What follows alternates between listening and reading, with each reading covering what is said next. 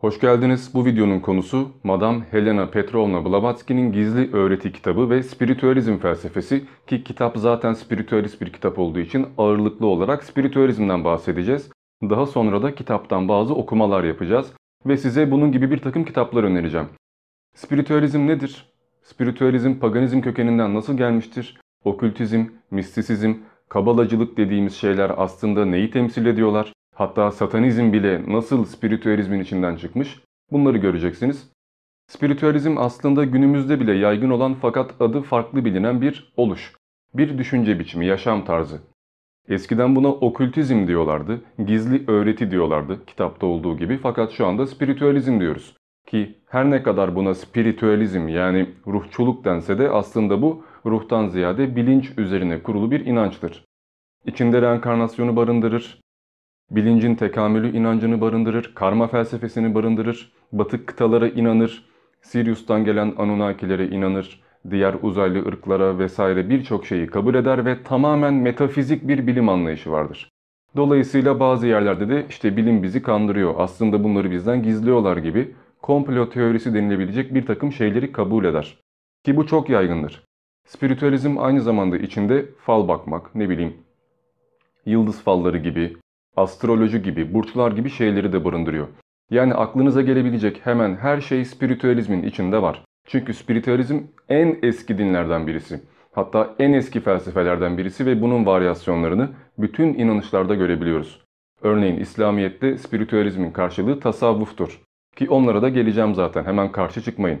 Genellikle hayır tasavvuf farklı onu biz anlamıyoruz orada başka bir şey demek istiyor diyen insanların sayısı oldukça fazla. Çünkü bir şeyleri araştırmadan olduğu gibi kabul etmeyi seviyoruz. Video bayağı uzun olacak. Herhalde değinmediğim şey kalmayacaktır bilmiyorum. Not falan almadım çünkü kafama göre anlatacağım. Gerçi bunu üstümde NASA yazan bir şeyle yapmam da biraz komik ama uykudan kalktığım gibi video çekiyorum aslında. O yüzden suratım falan şişse veya uykulu görünüyorsam kusura bakmayın. Elimden geldiğince spiritüalizmi ve bu tip kitapları size aktarmaya çalışacağım ve bahsetmedik şey bırakmamaya çalışacağım. Belki 2 saat olacaktır, belki 3 saat olacaktır. Bilmiyorum. Jenerikten sonra başlıyoruz.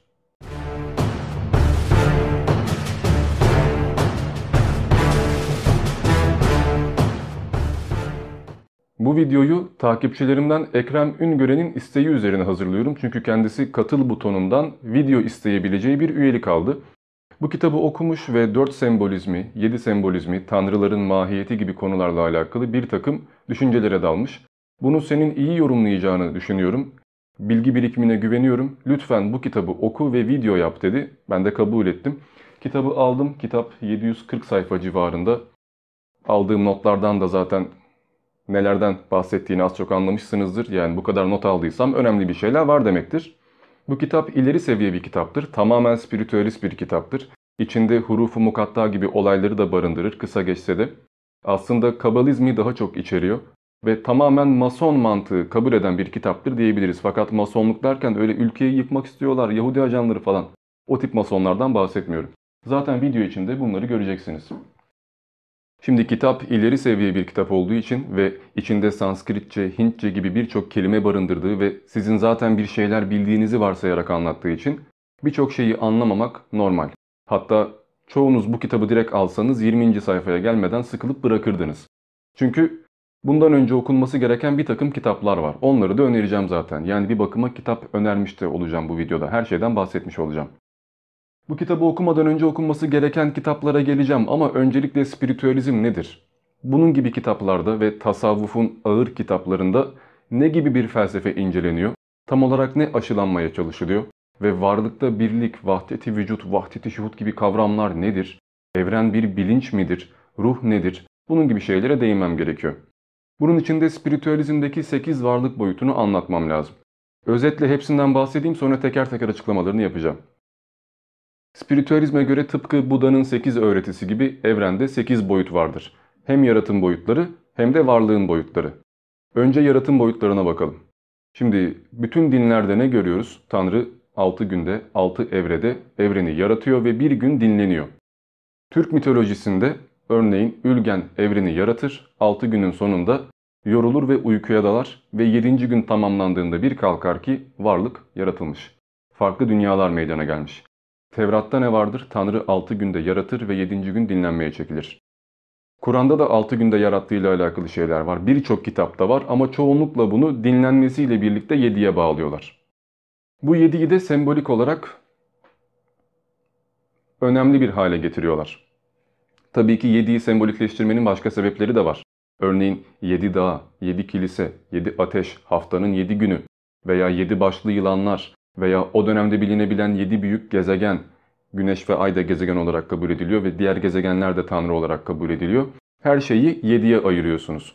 Örneğin Enok, Adem soyunun 7. neslinin 7. önderi veya cennet ve cehennem 7 kattır. Gök ve yerler 7 kat sema olarak düzenlenmiştir veya atmosfer 7 tabakadır gibi gibi birçok şeye gidiyor bu.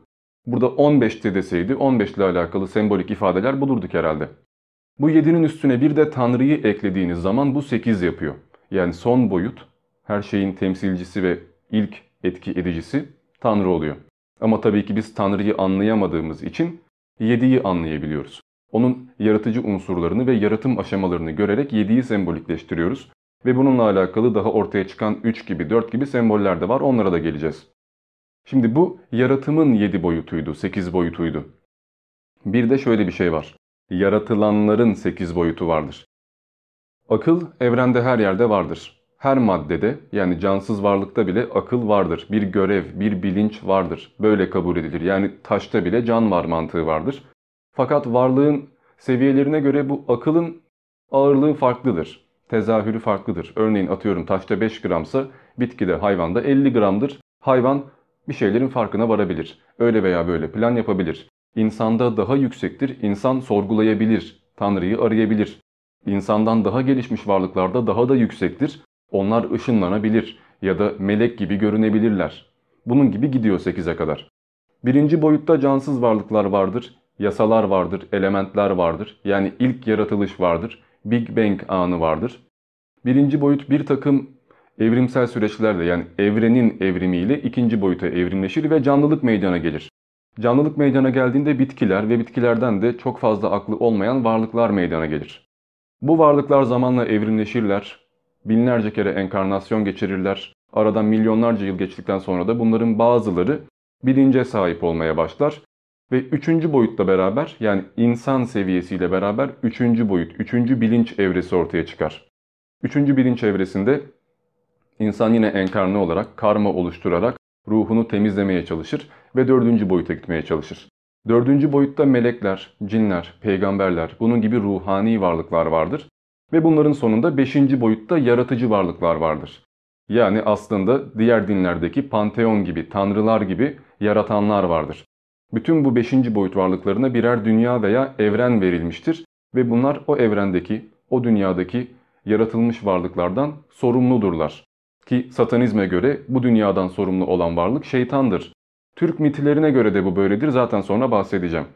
Ama tabi kutsal kitaplara göre bizden sorumlu olan şey Allah veya Yehova. Altıncı boyutta bu tanrıları da yaratan tanrılar vardır ve onlar direkt evrenden sorumludurlar. Onlar bir bilinçtir. Onlar Big Bang'i ve Big Crunch'ı temsil ederler ve tam olarak bunlarla alakalı bilgiler verilmez. Ra bilgilerinde bunlara Adonai denilir. Yedinci boyut yine bizim anlayamadığımız bir boyuttur ama mutlak tanrıyı sembolize eder. Yani agnostik tanrıdır. Olup olabilecek her şeyi barındırır. Evrendeki bütün şeyleri barındırır. Özetle böyle. 8. boyutta zaten nihai boyuttur. Nirvanadır, fenafillahtır, cennettir, mutlak gerçektir. Tanrı evreni yaratırken kendisinden yaratmıştır. Kendisini paramparça yapmıştır özetle. Çünkü Tanrı bir ruh değil bir bilinçtir. Ve bilincin bilincinde olabileceği bir şeye ihtiyacı vardır. Eğer bilincinde olabileceğiniz bir şey yoksa bilinç olmanın da anlamı kalmıyor. Tanrı mahiyeti gereği yaratmak zorunda kalmıştır. Dolayısıyla yaratırken de kendinden yaratmıştır. Hani kendinden ruh üflemiştir. Bize benzeyen bir şey yaratalım demiştir kutsal kitaplarda olduğu gibi. Dolayısıyla yaratılan bütün şeyler Tanrı'dan ve Tanrı oldukları için de ona dönmeye çalışırlar. Bunu nasıl yaparlar? Bilinç boyutlarına göre bir takım görevleri vardır. Yani yaşam amaçları vardır. Tabii ki bu amaç temelde reenkarnasyondur, tekamüldür ama her varlık bunu aynı şekilde yapmıyor. Örneğin üçüncü boyuttakiler yaşayarak, din geliştirerek, düşünerek bunu yapıyorlar. Sevap ve günahla yapıyorlar. Dördüncü boyuttakiler de bize din getirerek bunu yapıyorlar. Vahiy vererek bunu yapıyorlar. Gibi gibi zaten ayrıntılarıyla gireceğim. Fakat 8. boyuta gittikten sonra artık Tanrı ile birleşiyorsunuz ve görev tamamlanıyor. Şimdi birinci boyuttaki varlıklardan başlayalım. Daha doğrusu direkt şeyden başlayalım. Nasıl Tanrı'ya geri dönmek zorunda kalıyoruz veya Tanrı niye bir şeyler yaratmak zorunda kalıyor? Şimdi Tanrı nasıl bir tabir? Biz niye yaratıcı diyoruz? Niye böyle bir tanımlama yapıyoruz? Çünkü yaratmış diye düşünüyoruz değil mi? Evrene bakıyoruz bir şeyler var. Bunun bir yaratanı vardır diyoruz veya diyorlar ve dinler oluşturuyorlar. Çoğu insan böyle demeyebilir. Ateizme de saygım var. Ha, bu arada ben de spiritüalist falan değilim. Böyle anlatıyorum ama ben size felsefeyi anlatıyorum. İnanmasam da her tarafıyla objektif bir şekilde anlatmam lazım ki hakkını verebilelim. Zaten bu yüzden video 2 saat sürüyor. Yoksa 10 dakikada yapardım. Boş der geçerdim. Şimdi Tanrı yaratıcı olmak zorunda. Yarattığı için ona Tanrı diyoruz. Eğer yaratmasaydı yaratılan bir şey olmayacağı için Tanrı'yı da bilemeyecekti. Yani Tanrı'yı bilmek için yaratılmış olmanız gerekiyor. Sizi yarattığı zaman ona Tanrı diyebilirsiniz. Eğer hiçbir şey yaratmasaydı Tanrı olmasının da bir anlamı kalmayacaktı. Dolayısıyla Tanrı, Tanrı olabilmek için yaratmak zorunda. Bu zaten bir zorunluluk. Bunu bir anlamak lazım. Onun yaratmadığı bir ortam hiçlik olacağı için Tanrı'nın da bir anlamı olmayacaktı. Ve bunu şöyle düşünebilirsiniz yine aynı şekilde. Tanrı ruh veya bilinç veya her neyse bir şekilde yaratmak istedi değil mi? E, Tanrı mükemmel ve kusursuzsa yaratmaya da ihtiyacı yoktur.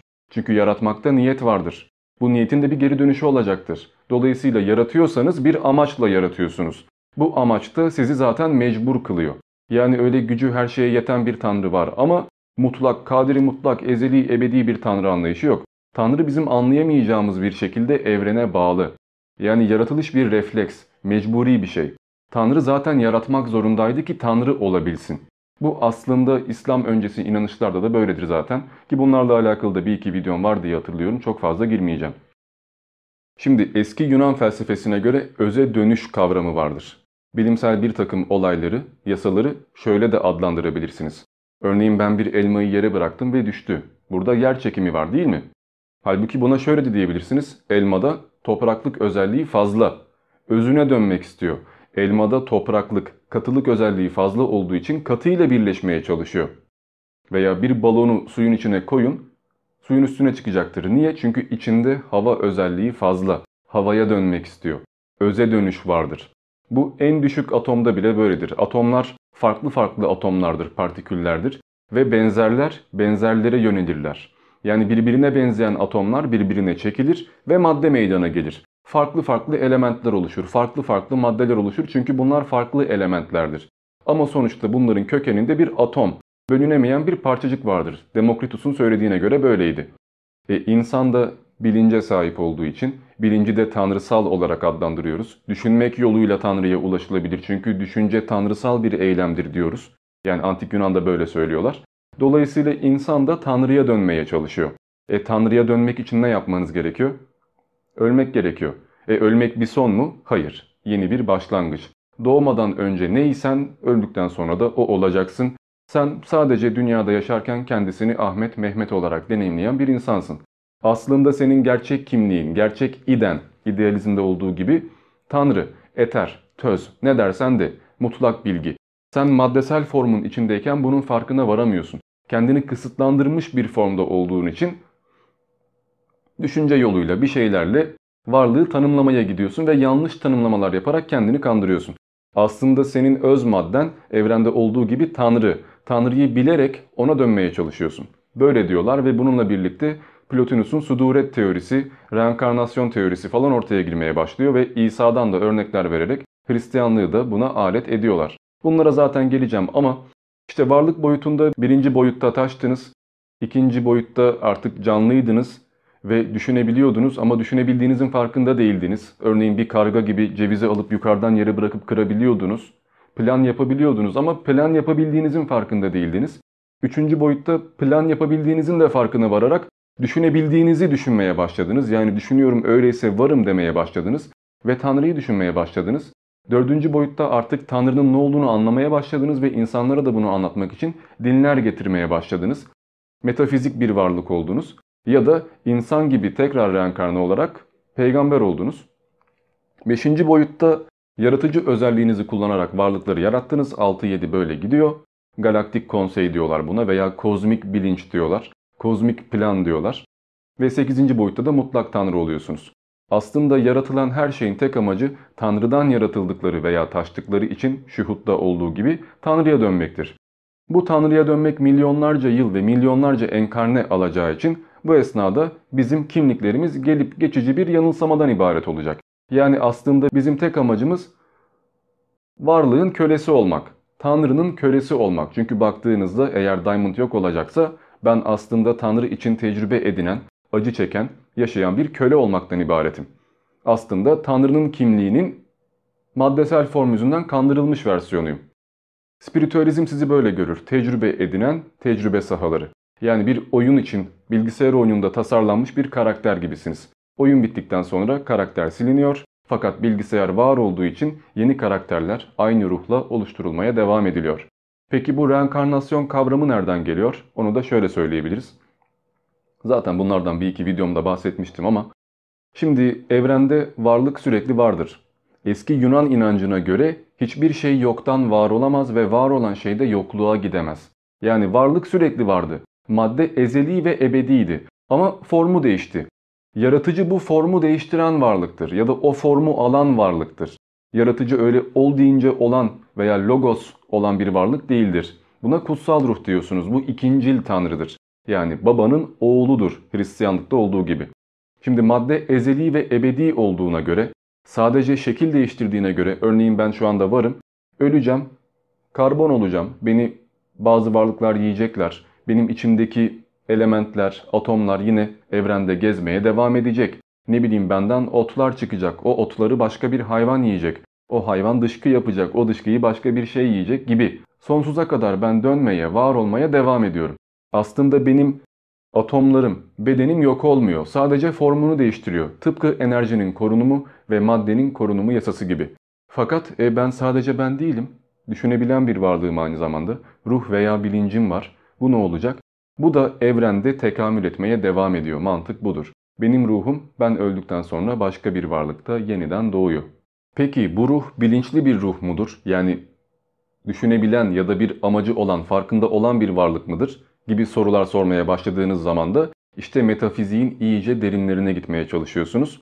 Ve artık ruhani bir boyut, bir ortam, bir evren amacı, kozmik plan yaratıyorsunuz. Spiritüalizm buna farklı isimler vermiştir. Öteki aleme, cennet, cehennem kavramına, akaşik kayıtlar denilen levh-i mahfuza veya hurufa bir sürü şey söylemiştir. Bunlardan da bahsedeceğim zaten kısa kısa. Şu an belirli notlara bakarak anlatmadığım için aklıma geldiği gibi anlatıyorum. Belki arada atlayacağım yerler de olabilir. Ama problem değil zaten kitapta tonla not almıştım. O notlardan birkaçını okurken de bunlar aklıma gelecektir. Şimdi biz niye varız diye soracaksınız. Madem öyle bu reenkarnasyon hadi ruh sürekli tekamül ediyor, büyüyor. Evren sürekli evrimleşiyor, gaz bulutları gezegenlere dönüştü. Veya varlık sürekli evrimleşti, sudan çıkan varlıklarken artık insanlara dönüştük. Peki bu bilinç sıçraması, bilinç değişimi ne zaman yaşanıyor? Veya ben kendimi nasıl Ahmet, Mehmet, Diamond olarak hatırlıyorum? Nasıl bunu tecrübe ediyorum? Ben öldüğümde kimliğim nereye gidecek? Niye siliniyor gibi sorular sorduğunuz zaman da az önce bahsettiğim levh-i mahfuz olayına geliyorsunuz. Şimdi biz şöyle düşünüyoruz. Birçok kişi bunu söylüyor. Ya ben mi istedim sanki yaratılmayı? Beni yaratmış buraya koymuş sonra günah işledin bilmem ne yaptın diyerek beni yakmakla tehdit ediyor. Benim elimde olsaydı ben dünyaya gelmezdim niye böyle bir risk alayım ki diyenleriniz var. İşte aslında İslam hadislerine ve birçok mezhep anlayışına göre de evet siz bunu istemiştiniz. Levh-i mahfuz diye bir şey vardır. Bütün ruhlar, kıyamete kadar olup olabilecek her şey çoktan yaratılmıştır, çoktan vardır. Fakat doğacakları sırayı beklerler. Bunlara sorulur. Bak, sen yaratıldın. Seni dünyaya gönderirsek cennet ve cehennem gibi şeyleri elde edebilme şansın var. Eğer seni yaratanı bulur ve doğru düzgün yaşarsan sonsuz bir mutluluk elde edeceksin. Edemezsen de yanacaksın. Ama doğmak istemezsen de yok olacaksın, hiçliğe gideceksin. Şimdi ne istiyorsun? Tecrübe edinmek istiyor musun? Ya da bu şansı elde etmek istiyor musun? diye soruluyor ve ruh da evet ben gitmek istiyorum diyor. Çünkü cenneti görüyor ve bunu kaçırmak istemiyor. Ve ruh dünyaya gönderiliyor. Tabii ki gönderildiği zaman bunları unutuyor. Yani evet, semavi dinlere göre de bu dünyaya gelmeyi siz istediniz. Peki spiritüalizme göre öyle mi?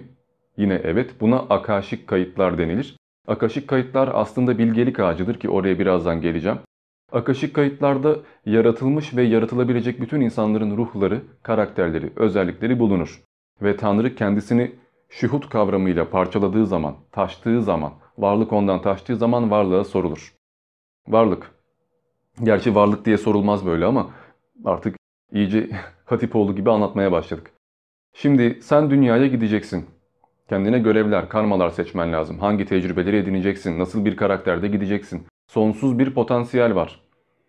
Seç deniliyor ve varlık akaşik kayıtlardan atıyorum Atatürk'ün askeri dehasını istiyorum. Einstein'ın zekasını istiyorum. Hitler'in nefretini istiyorum. Dünyaya gideceğim. Çok zeki olacağım ve bir yandan çok nefret dolu birisi olacağım.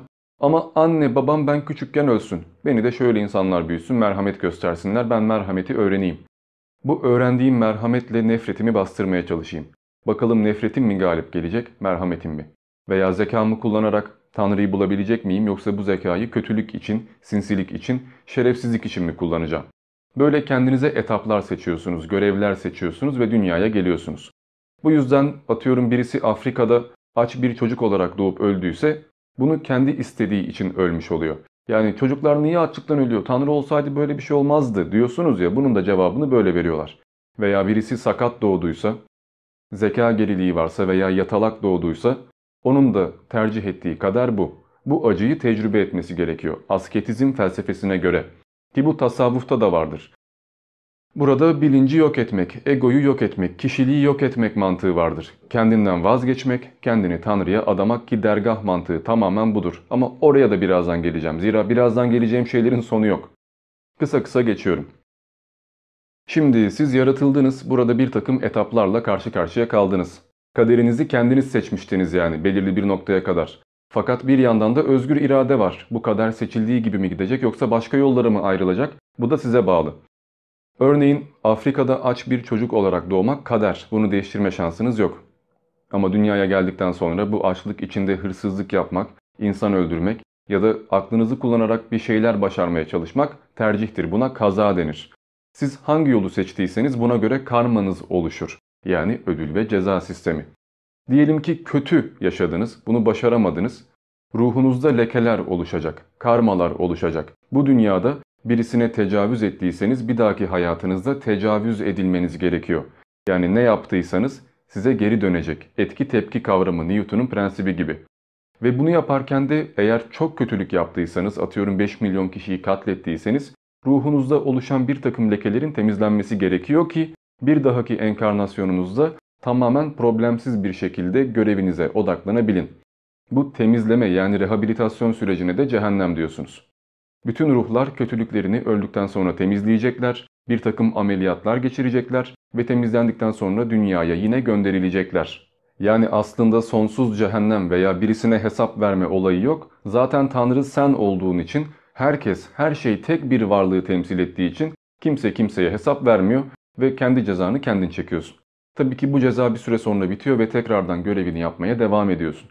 Yani aslında İslamiyet'in hadis kaynaklarında bulunduğu gibi müminler cehennemde sonsuza kadar kalmazlar. Belirli bir süre yandıktan, cezaları bittikten sonra çıkarlar. Aynı mantık. Tabii ki Kur'an'da böyle bir şey yok. Orada cennet de cehennem de sonsuzdur ama işte hadislerde bu var. Zaten bu yüzden diyorum hadis gibi, tasavvuf gibi bir takım kollar spiritüalizme çok benziyor. Ki bu bahsettiğim spiritüalizm anlayışı binlerce yıllık bir kavram. Yani semavi dinlerden önce de vardı bu. Buna farklı isimler verilmiştir. Bu arada dudaklarım kurumuş sürekli konuşuyorum. Bir şeyler bakayım ben kendime geleyim. Dudak kremi de bulamadım. Artık böyle konuşacağız. İkide bir ağzımı yalayacağım ne yapayım yani. Nerede kaldığımızı da hatırlamıyorum. Cehennemden çıkmak gibi bir şeydi herhalde. İşte özetle spiritüalizm ve birçok inanç birbirine benziyor. Hatta spiritüalizm yasak elma, cennetten kovulma, şeytan gibi kavramlara da farklı bakıyor. Ve şunu söylüyor. Hani tasavvufta şeyhler der ya, üstü kapalı ayetler vardır, onu herkes anlayamaz. Şimdi açık ayetleri herkes anlar, adam öldürme, basit. Ama metaforlar kullanılan yerlerde, atıyorum cennet gibi şeylerde bunu herkes anlayamaz. Bunu havas kısım anlar, alimler anlar, kalp gözü açık olanlar anlar.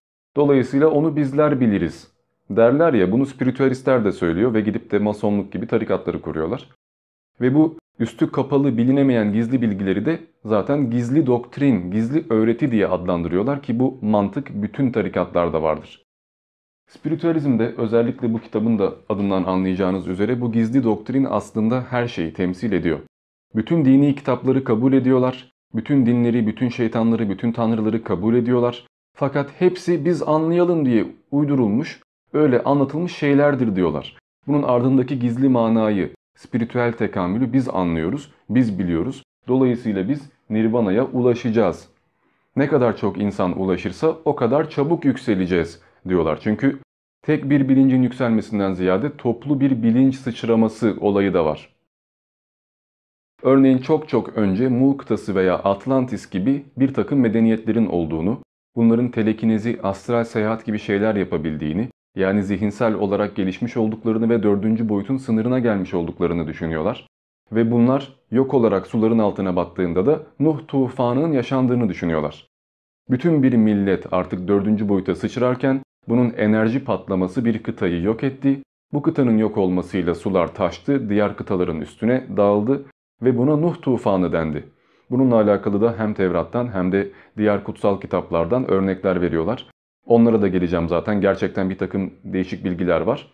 Ve bunu böyle temsil ediyorlar. Bu yüzden ne diyorlar?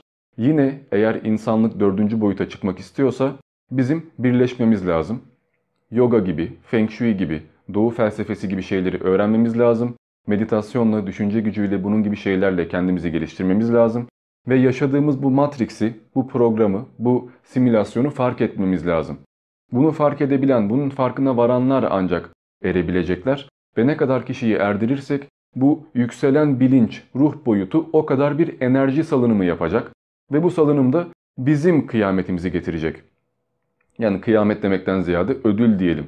Bu esnada yine dünya resetlenecek, yine bir tufan yaşanacak. Galaktik konseyi bizi alacak ve dördüncü boyuta geçmiş olacağız diye düşünüyorlar. Yani bir süre sonra bu insanlığın da sonu geliyor, kıyamet oluyor ama bu evrenin sonu olmuyor, üçüncü boyutun sonu oluyor bu inanca göre. Bunun içinde ne kadar çok kişi aynı fikirde olursa, ne kadar çok kişi aynı inanışta olursa, aynı şeye dua ederse bu düşünce, bu enerji bizi yükseltecek diye düşünüyorlar. Ve bununla alakalı da bir takım bilimsel deneyler, örnekler göstermeye çalışıyorlar. Buna girmeden önce size bu enerji salınımını, kozmik bilinci bir anlatmam lazım.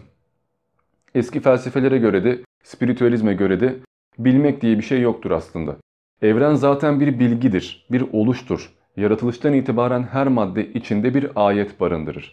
Hani Kur'an'da da diyor ya bir indirilen ayet vardır, bir de yaratılan ayet vardır. Bütün evren bir ayettir. Bitkilere bakıp biyolojiyi buluyorsunuz. Bitkiler size ayetleri veriyor veya evrene bakıp fiziği buluyorsunuz. Çünkü biz her şeyi işledik mantığı vardır.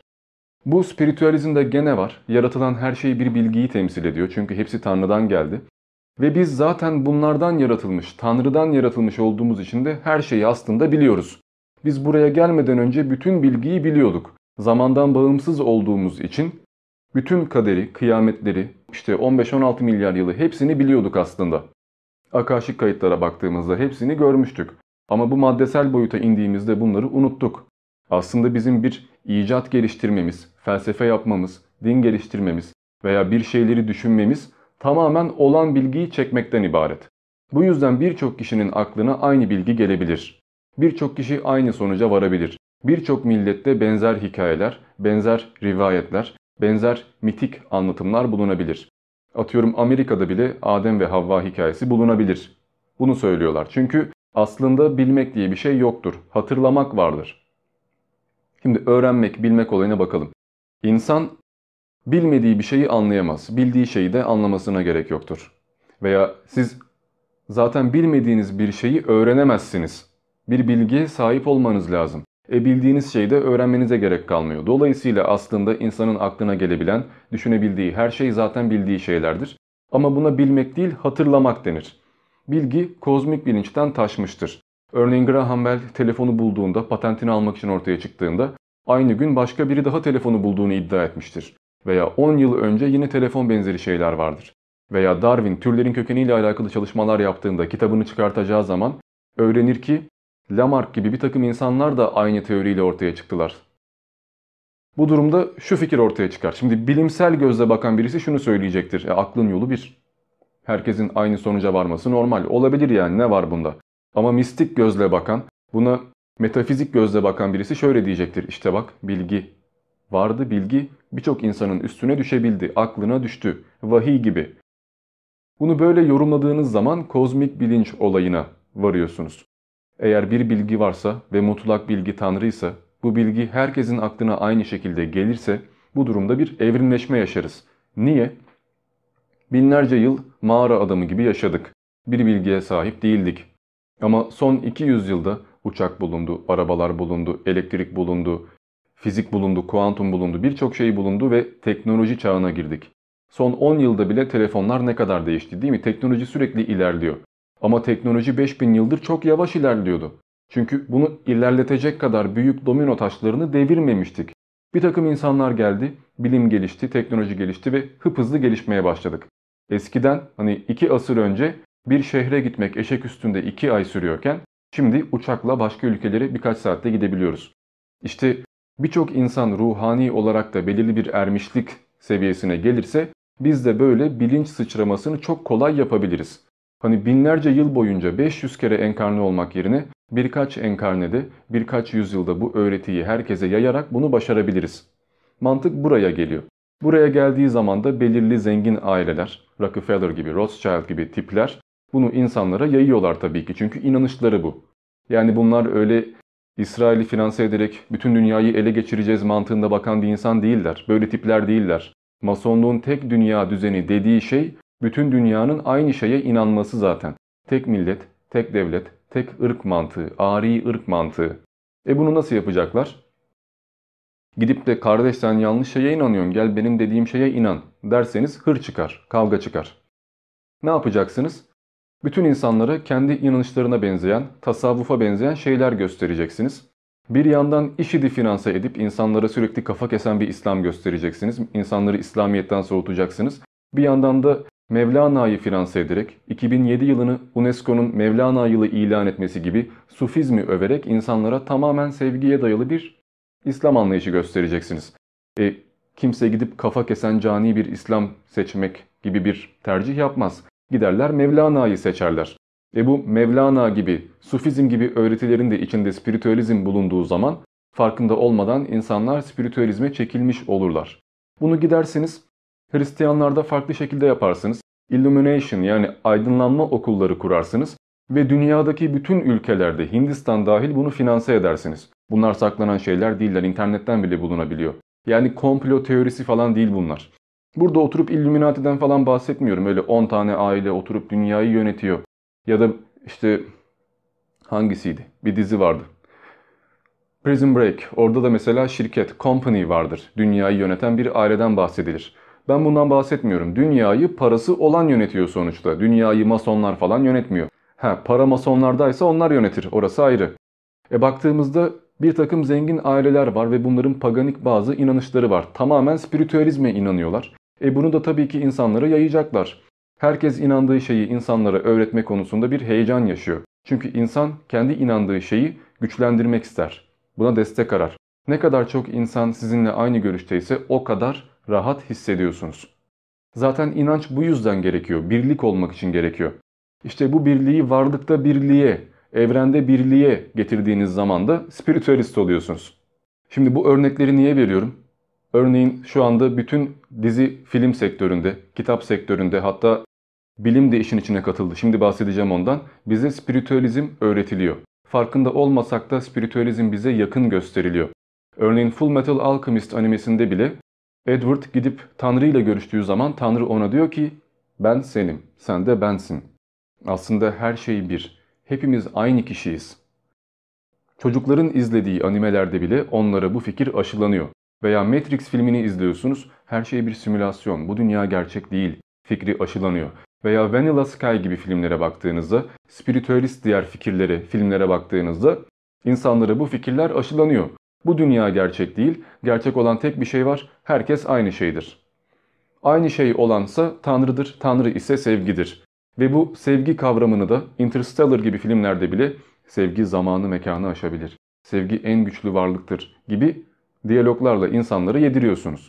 Şimdi dikkatli bakarsanız, bunları iyi araştırırsanız izleyeceğiniz bütün filmlerde, Hollywood yapımlarında veya bütün romanlarda bunları göreceksiniz. Hatta Kuantum'da bile bunları göreceksiniz.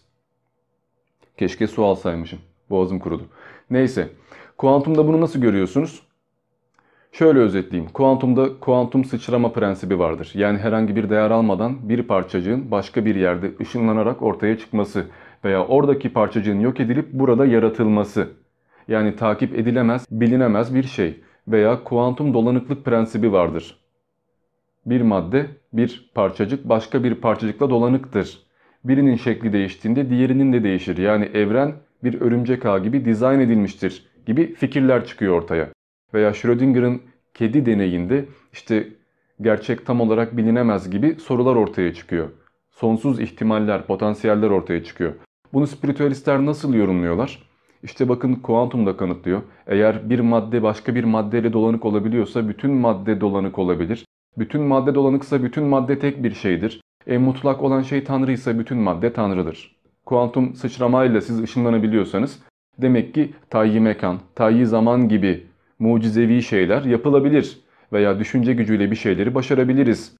Madem ki madde maddeyle dolanık, enerji de enerjiyle dolanık olmak zorunda. Öyleyse biz enerjimizi göndererek bir ölüyü diriltebiliriz veya İsa gibi hastayı iyileştirebiliriz. Bunun gibi şeyler ortaya çıkıyor. Ki bu düşünce gücü kavramı ortaya çıktığı zaman da 5000 tane The Secret, The Key gibi kitaplar yazılıyor.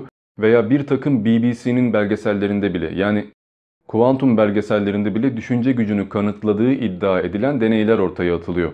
Bu düşünce gücüyle alakalı yapılan deneylerden birinden örnek vereyim. Tabii ki bunun doğru olup olmadığını da sonra anlatacağım. Japon bir profesör vardır Masaru Emoto diye. Bu kişi iddia ettiğine göre üniversiteden yüzlerce öğrenciyi getirir. Aralarında Hristiyan vardır, Budist vardır, ateist vardır ve bunlardan bir şey ister. Önlerine birer damla su koyar, ikişer damla su koyar pardon.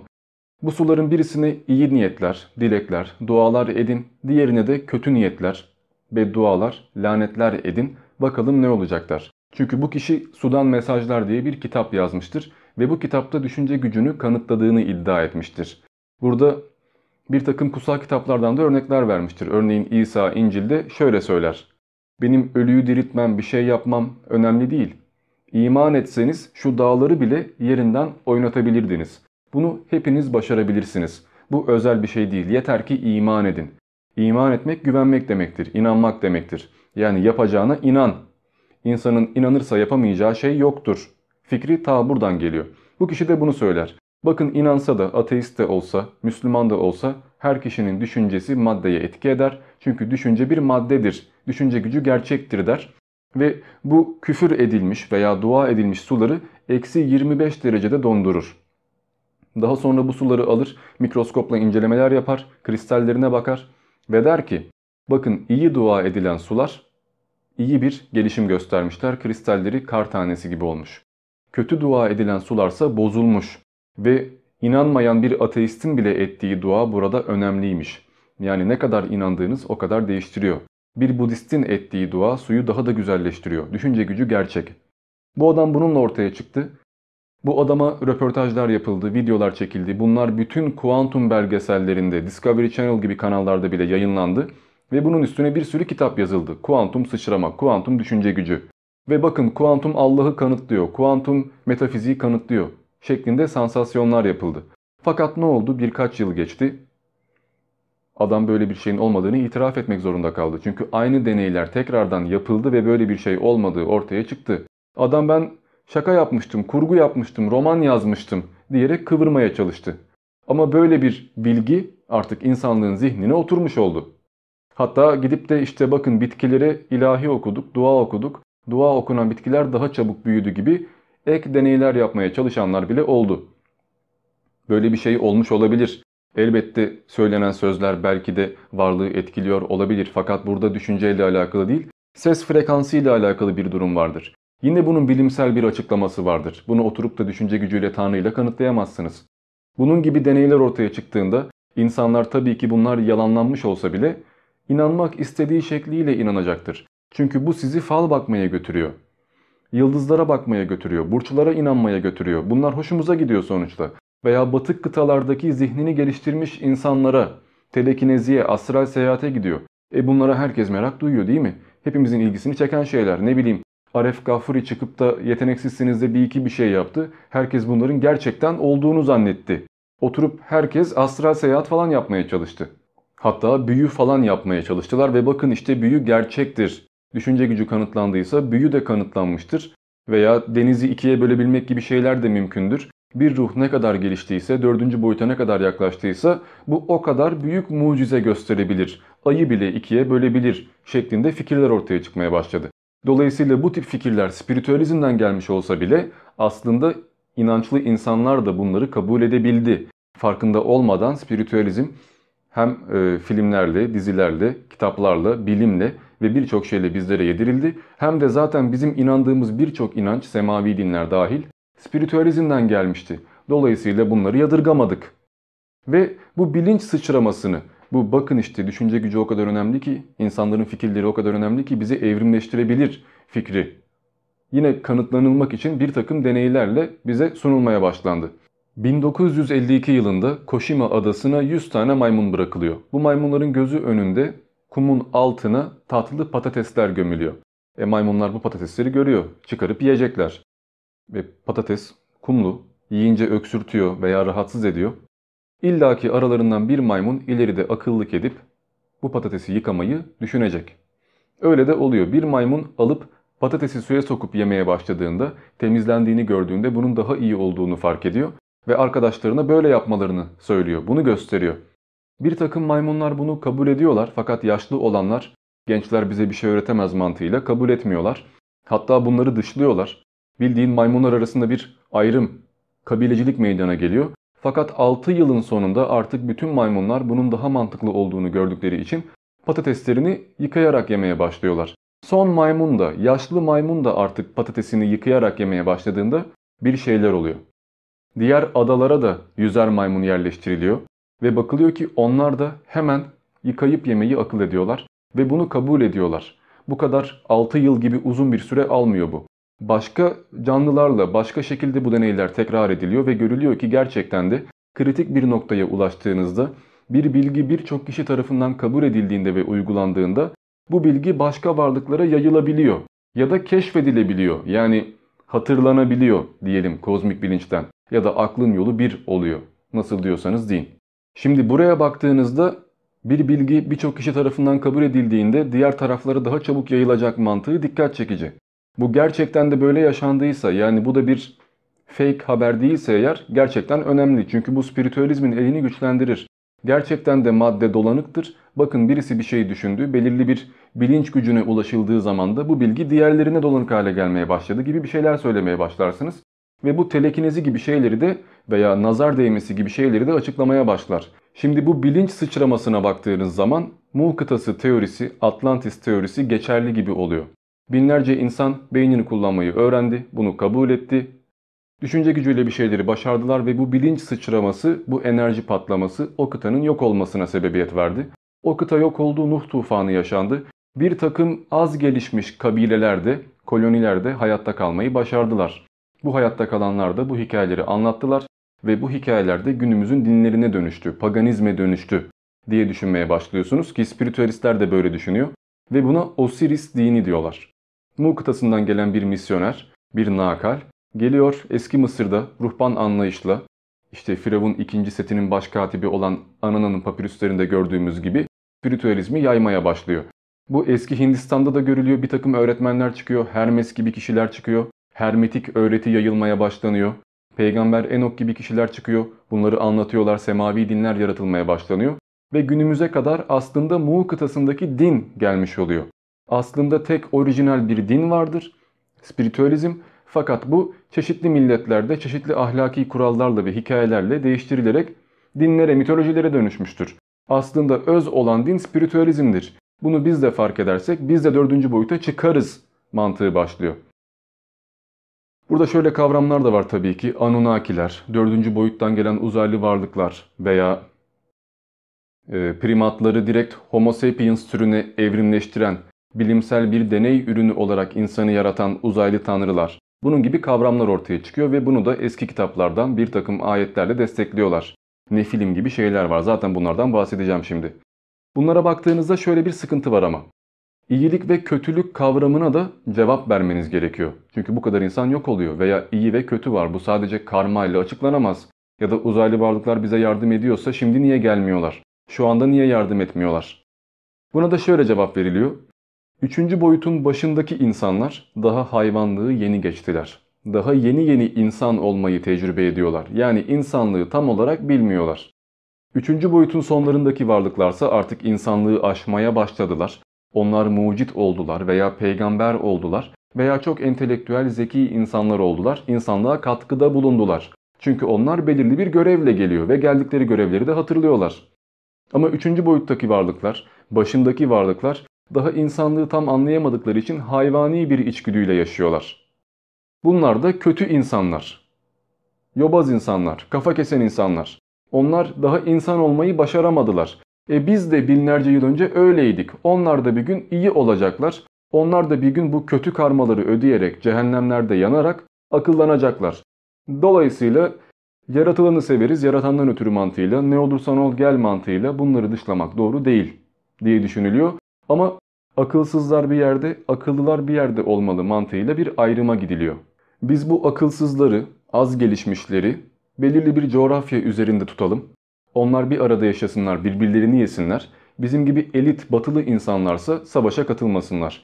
Veya savaşıyorsak bile bu coğrafya üzerinde savaşalım. Örneğin Orta Doğu'yu savaş alanı olarak kullanalım. Biz ise batıda rahat rahat yaşayalım. Onlar zaten yobaz biz onları bir şekilde spiritüalizmi yavaş yavaş vererek kontrol ederiz. Biz kendi inanışlarımızı Ice White Shoot gibi filmlerde görüldüğü üzere insanlara, elitlere, zenginlere yaymaya başlayalım deniliyor. Ve bu şekilde insanları kategorilendirmeye başlıyorsunuz. Yani bilinç dördüncü boyuta sıçrama yaptığında, biz yok olduğumuzda, üstün insanlar yok olduğunda, yeni bir tufan yaşandığında yine bu cahiller cühelalar kalmaya devam edecek. Onlar da bizi anlatacaklar. Onlar da bizim gerçek spiritüalist anlayışımızı zamanla bozacaklar ve yeni ilahi dinler ortaya çıkmaya başlayacak. Biz ne yaparız? Dördüncü boyuta ulaştığımızda, bilinç sıçraması yaptığımızda melek olarak gelip onlardan bazı aklı basan gelişmiş ruhlara vahiyler veririz ve onlara gerçek dini hatırlatırız. Mantık bu. Çünkü dinlerin böyle ortaya çıktığı düşünülüyor. Burada bir dördüncü boyut ve üçüncü boyut varlık olayına tekrardan bir döneyim sonra başlıyorum videoyu artık. Şimdi dördüncü boyuttaki varlıklar melek varlıkları ya onlar artık beden alarak bize görünmek zorunda değiller. Bize vahiy vererek görünebilirler, bizi uyandırabilirler. Veya insanlar gelmeden önce akaşık kayıtlardan görevler seçiyorlardı ya. Ama bunu hatırlayamıyorlardı çünkü madde bunu engelliyordu. Ama dördüncü boyuta çok yaklaştıysanız bir kısmını hatırlayabiliyorsunuz. Çünkü bilinciniz daha yüksek, özgür iradeye biraz daha sahipsiniz. Bir perdeyi daha indirmeye ve kalp gözünüzü açmaya başladınız. Bu durumda şu oluyor. Örneğin birisi bu dünyaya ülke kurmak için geldiyse 3 yaşındayken ben asker olacağım, ben ülke kuracağım diyerek vizyonunu fark ediyor ve ileride cumhuriyeti kuruyor. Laik bir sistem getiriyor. Veya birisi geliyor ben Tanrı'dan geldim ya ben Tanrı'nın oğluyum herhalde. Bir dakika ben gerçeği idrak ediyorum. Bu insanlar sapmış. Ben bunlara gerçek yolu göstereyim. Işık, gerçek ve yol benim.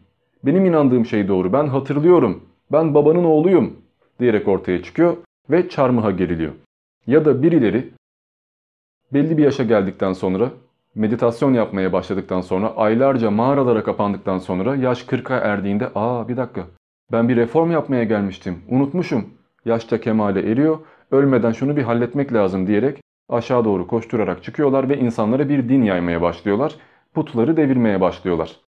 Burada da mistik tarikatlar ortaya çıkıyor. İşte bahsettiğim Osiris dini, Nakaller, Mu kıtasından gelen inisiyatörler veya Kumran kitabelerini, Ölü Deniz yazmalarını yazan bir takım okült tarikatlar, masonlar, kabalikler veya kabalistler ikisini de söyleyebilirsiniz. Burada şöyle bir teori var. Bütün bu peygamberler dördüncü boyuta yakın ruhlar ve bir tarikat var. Bu tarikat böyle dördüncü boyuta yakın ruhları yakalıyor. Bunlarla konuşuyor, onlara gerçek vizyonlarını yıldız falı gibi bir takım şeylerle buluyor ve gösteriyor ve peygamberleri geliştiriyor bir meslek gibi. Memur gibi bu adamları gönderiyorlar. Buna da neyi örnek gösteriyorlar? Eski Mısır'daki ruhban sınıfı. Eski Yunan'daki ruhban sınıfı. Her yerde bir ruhbanlık var ve bu ruhbanlar felsefeyle içli dışlı ve ruhani boyuta ait olduklarını iddia ediyorlar. Şamanlar gibi yani. Tanrılarla görüştüklerini iddia ediyorlar. Bir takım kitaplar yazıyorlar. Sembolik ifadelerle eski mason tapınaklarında bile bunlar görülebilir. Bir öğretiyi binlerce yıldır yayıyorlar. E Musa'ya bakıyorsunuz. 10 emirle ortaya çıkmadan önce ne yaptı? 7 yıl boyunca kaçtı, şehri terk etti. Dağlarda yaşadı. Sonra bir geldi ben Tanrı elçisiyim demeye başladı ve asayı yılana çevirmek gibi zihinsel yetenekler göstermeye başladı. Yani Musa bir tarikat tarafından 7 yıl eğitildi. İsa'ya bakıyorsunuz. Ne yaptığını bilmiyoruz. Çocukluğundan sonra 30 yaşına kadar 20 yıl ne yaptığı bilinmiyor. Fakat bir geliyor şeytanı, ölümü, kötülüğü yeniyor, hastayı iyileştiriyor, ölüyü diriltiyor ve ben Tanrı oğluyum diyerek düşünce gücüyle bir şeyler başararak ortaya çıkıyor. Yani İsa da bir tarikat tarafından eğitiliyor. Ki zaten Rab, Rabbi ve Rabbiri gibi kategorilendirmeler vardır. İncil'de Tanrı'ya Rab denir. Biz de Ya Rabbim şeklinde dua ediyoruz bazen. Fakat Rab efendi demektir. Rab efendiliğin ilk seviyesidir tarikatlarda. Sonra Rabbi vardır. Efendi yetiştiren efendi, öğretmendir Rabbi. Sonra Rabbiri vardır. Tarikat lideridir bu. Tanrı'yı temsil eder. Güneşin oğludur. Ramu'dur veya Firavundur. Dolayısıyla Rab da Tanrı da İsa'yı temsil etmiş olur. Aslında bizim Tanrı dediğimiz şeyler bir tarikatın liderleridir. Onların öğretileri zaten farklı milletlerde ortaya çıkmıştır fikri geliyor. Daha sonra bir peygamber ortaya çıkıyor. Tüccar bir peygamber. Birçok ülkeye gidiyor, birçok din görüyor. Sonra kendisini mağaralara kapatıyor. Aylar boyunca meditasyon yapıyor, bir şeyleri düşünüyor ve sonra bir şeyleri keşfediyor, ortaya çıkıyor. Demek ki bu peygamber de bir tarikat tarafından görüldü ve eğitildi. Tıpkı James Churchward'un Muhtas'ındaki rişilerden bahsettiği gibi. Burada bir inisiyasyon muhabbeti vardır ki bu inisiyasyon zaten sizi kabalizme götürüyor. Veya büyü yapmak, Enokyan Maja gibi şeylere götürüyor ki bunlarla alakalı da şeyleri kitabı okurken vereceğim. Şimdi bu bütün anlattığım şeyler spiritüalizmin özetidir aslında ki daha birçok şey var. Ama spiritüalizm semavi dinleri kabul eder, satanizmi de kabul eder, birçok şeyi kabul eder ve maddeyle, evrenle, bilinçle, tekamülle, kozmosla alakalı, karma ile alakalı bir takım fikirleri vardır. Bu fikirler ayrık fikirler değildir. Bu fikirler bütün dinlerin içine girmiştir. Çünkü spiritüalizm paganizmin temelidir. En eski dindir ve buna gizli öğreti denir.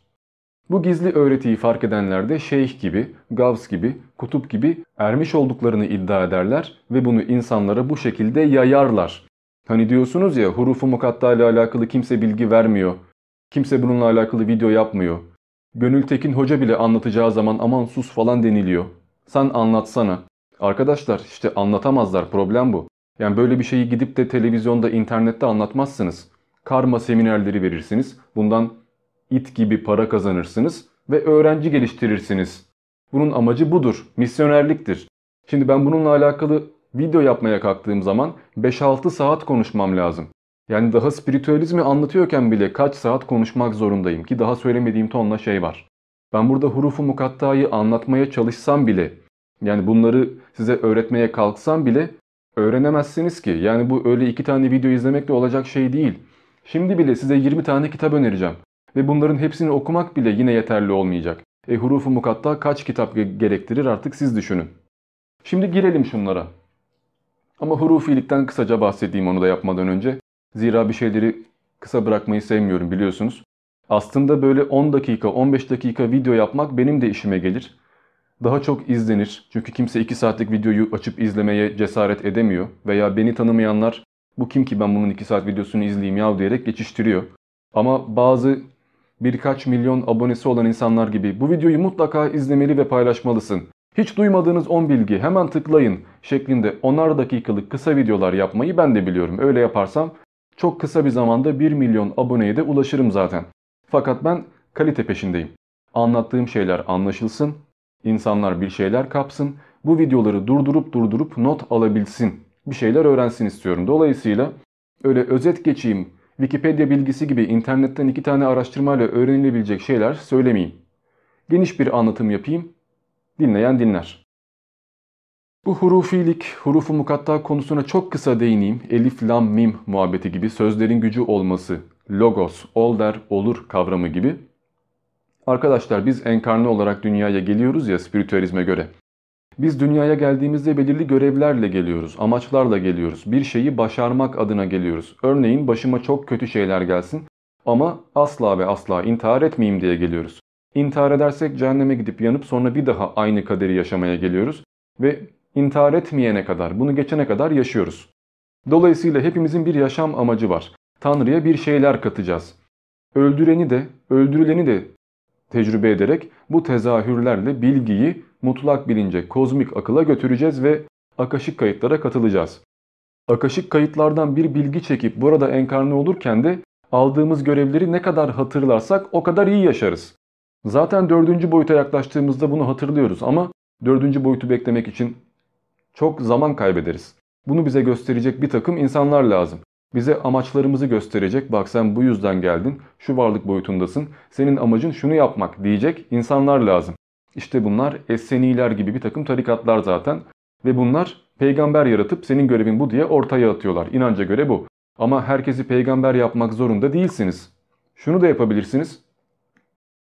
İnsan doğarken belirli alametlerle doğar. Örneğin ben 30 yaşında dünyayı fethedeceksem bunun bir alameti olması lazım. Atıyorum Mars yıldızı dünyaya şu açıdayken doğmam lazım. Çünkü doğacağınız vakti kendiniz seçiyorsunuz. Örneğin ben şimdi 2020'de öldüysem bir dahaki doğacağım vakit 2030 olmak zorunda değil.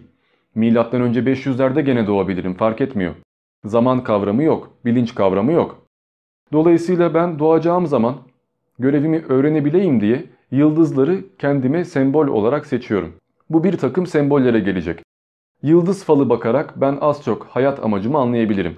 Bunun yanında bana verilecek ismin de bir öneminin olması lazım. Örneğin adım Ahmetse A'nın, H'nin, M'nin, diğer harflerin bir anlamı var. Bir rakamı var. Onların tekabül ettiği bir takım semboller var. Ahmet adının bir anlamı var. Doğduğum yılın bir anlamı var. Doğduğum günün bir anlamı var. Doğduğum günde, doğduğum saatte, güneş nerede, Mars nerede, şu nerede, hangi takım yıldızı aktif? Bunların bir anlamı var. Ben bunların hepsine bakar. Yıldız falımı oluşturursam benim ne yapmam gerektiğini öğrenirim. Mantık bu. Hurufilik de buraya gidiyor zaten ve bunu yapıyorlar. Buna da işte astrolojiyi katmak zorundasınız, burçları katmak zorundasınız. Dolayısıyla işin içine büyü gibi şeyler de giriyor. Fal gibi, kehanet gibi şeyler de giriyor. Şimdi ay aktifken deniz canlılarının bazılarında bir takım değişmeler olur. Ya da Sirius yıldızı aktifken köpeklerde kudurmalar meydana gelir. Veya Mart aylarında bir takım takım yıldızları aktif olduğu için kedilerde azmalar meydana gelir gibi gibi örnekler veriliyor ve dolayısıyla insanın da karakterini ve amacını öğrenmek için de böyle yıldızlara göğe bakılabilir deniliyor ve işin içine hurufu mukatta harfleri girmeye başlıyor. Logos girmeye başlıyor ve iş uzadıkça uzuyor. Şimdi bu kitabı size okuyacağım. Tabii ki bütün notları okumayacağım. Bunların bazılarını kendi araştırmalarım için kaynak olsun diye aldım. Herhalde yarısını falan okuyarak eleştireceğim. Ve zaten okurken de bu bahsettiğim şeylere benzer şeyleri görmüş olacaksınız. Zira basit sayfaları seçmeye çalıştım. Çünkü her sayfada Sanskritçe, Hintçe bir şeyler girmiş. Çok fazla tabir var. Bir birikimi olmayan insan bu kitabı okuduğunda muhtemelen sıkılır ve 20. sayfaya gelmeden bırakır. E biraz pahalı bir kitap. Alıp da pişman olmanızı istemiyorum. Size bu kitaptan önce spiritüalizmi, masonluğu, kabalizmi, okült anlayışı, mistik anlayışı ve sembolizmi anlayabilmeniz için bir takım kitaplar önereceğim ve karma felsefelerini de daha iyi anlayacaksınız.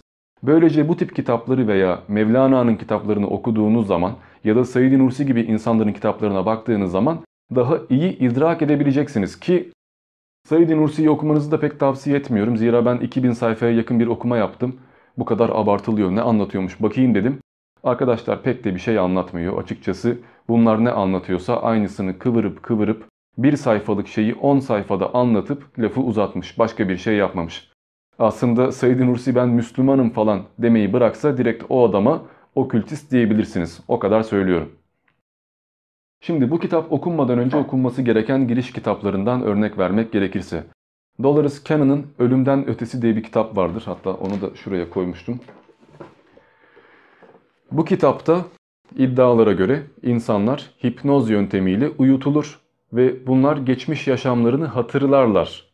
Geçmişte ne yaptığını öğrenmeleri, atıyorum Rusya'da öldürülen bir kız mıydın, 1700'lerde neler yapıyordun bunları anlat denilir ve insanlar artık astral seyahat mı dersiniz ya da gerçekten önceki Yaşantısını hatırlıyor mu dersiniz? Veya bilinçaltı onu kandırıyor, rüya görüyor mu dersiniz? Orası size kalmış.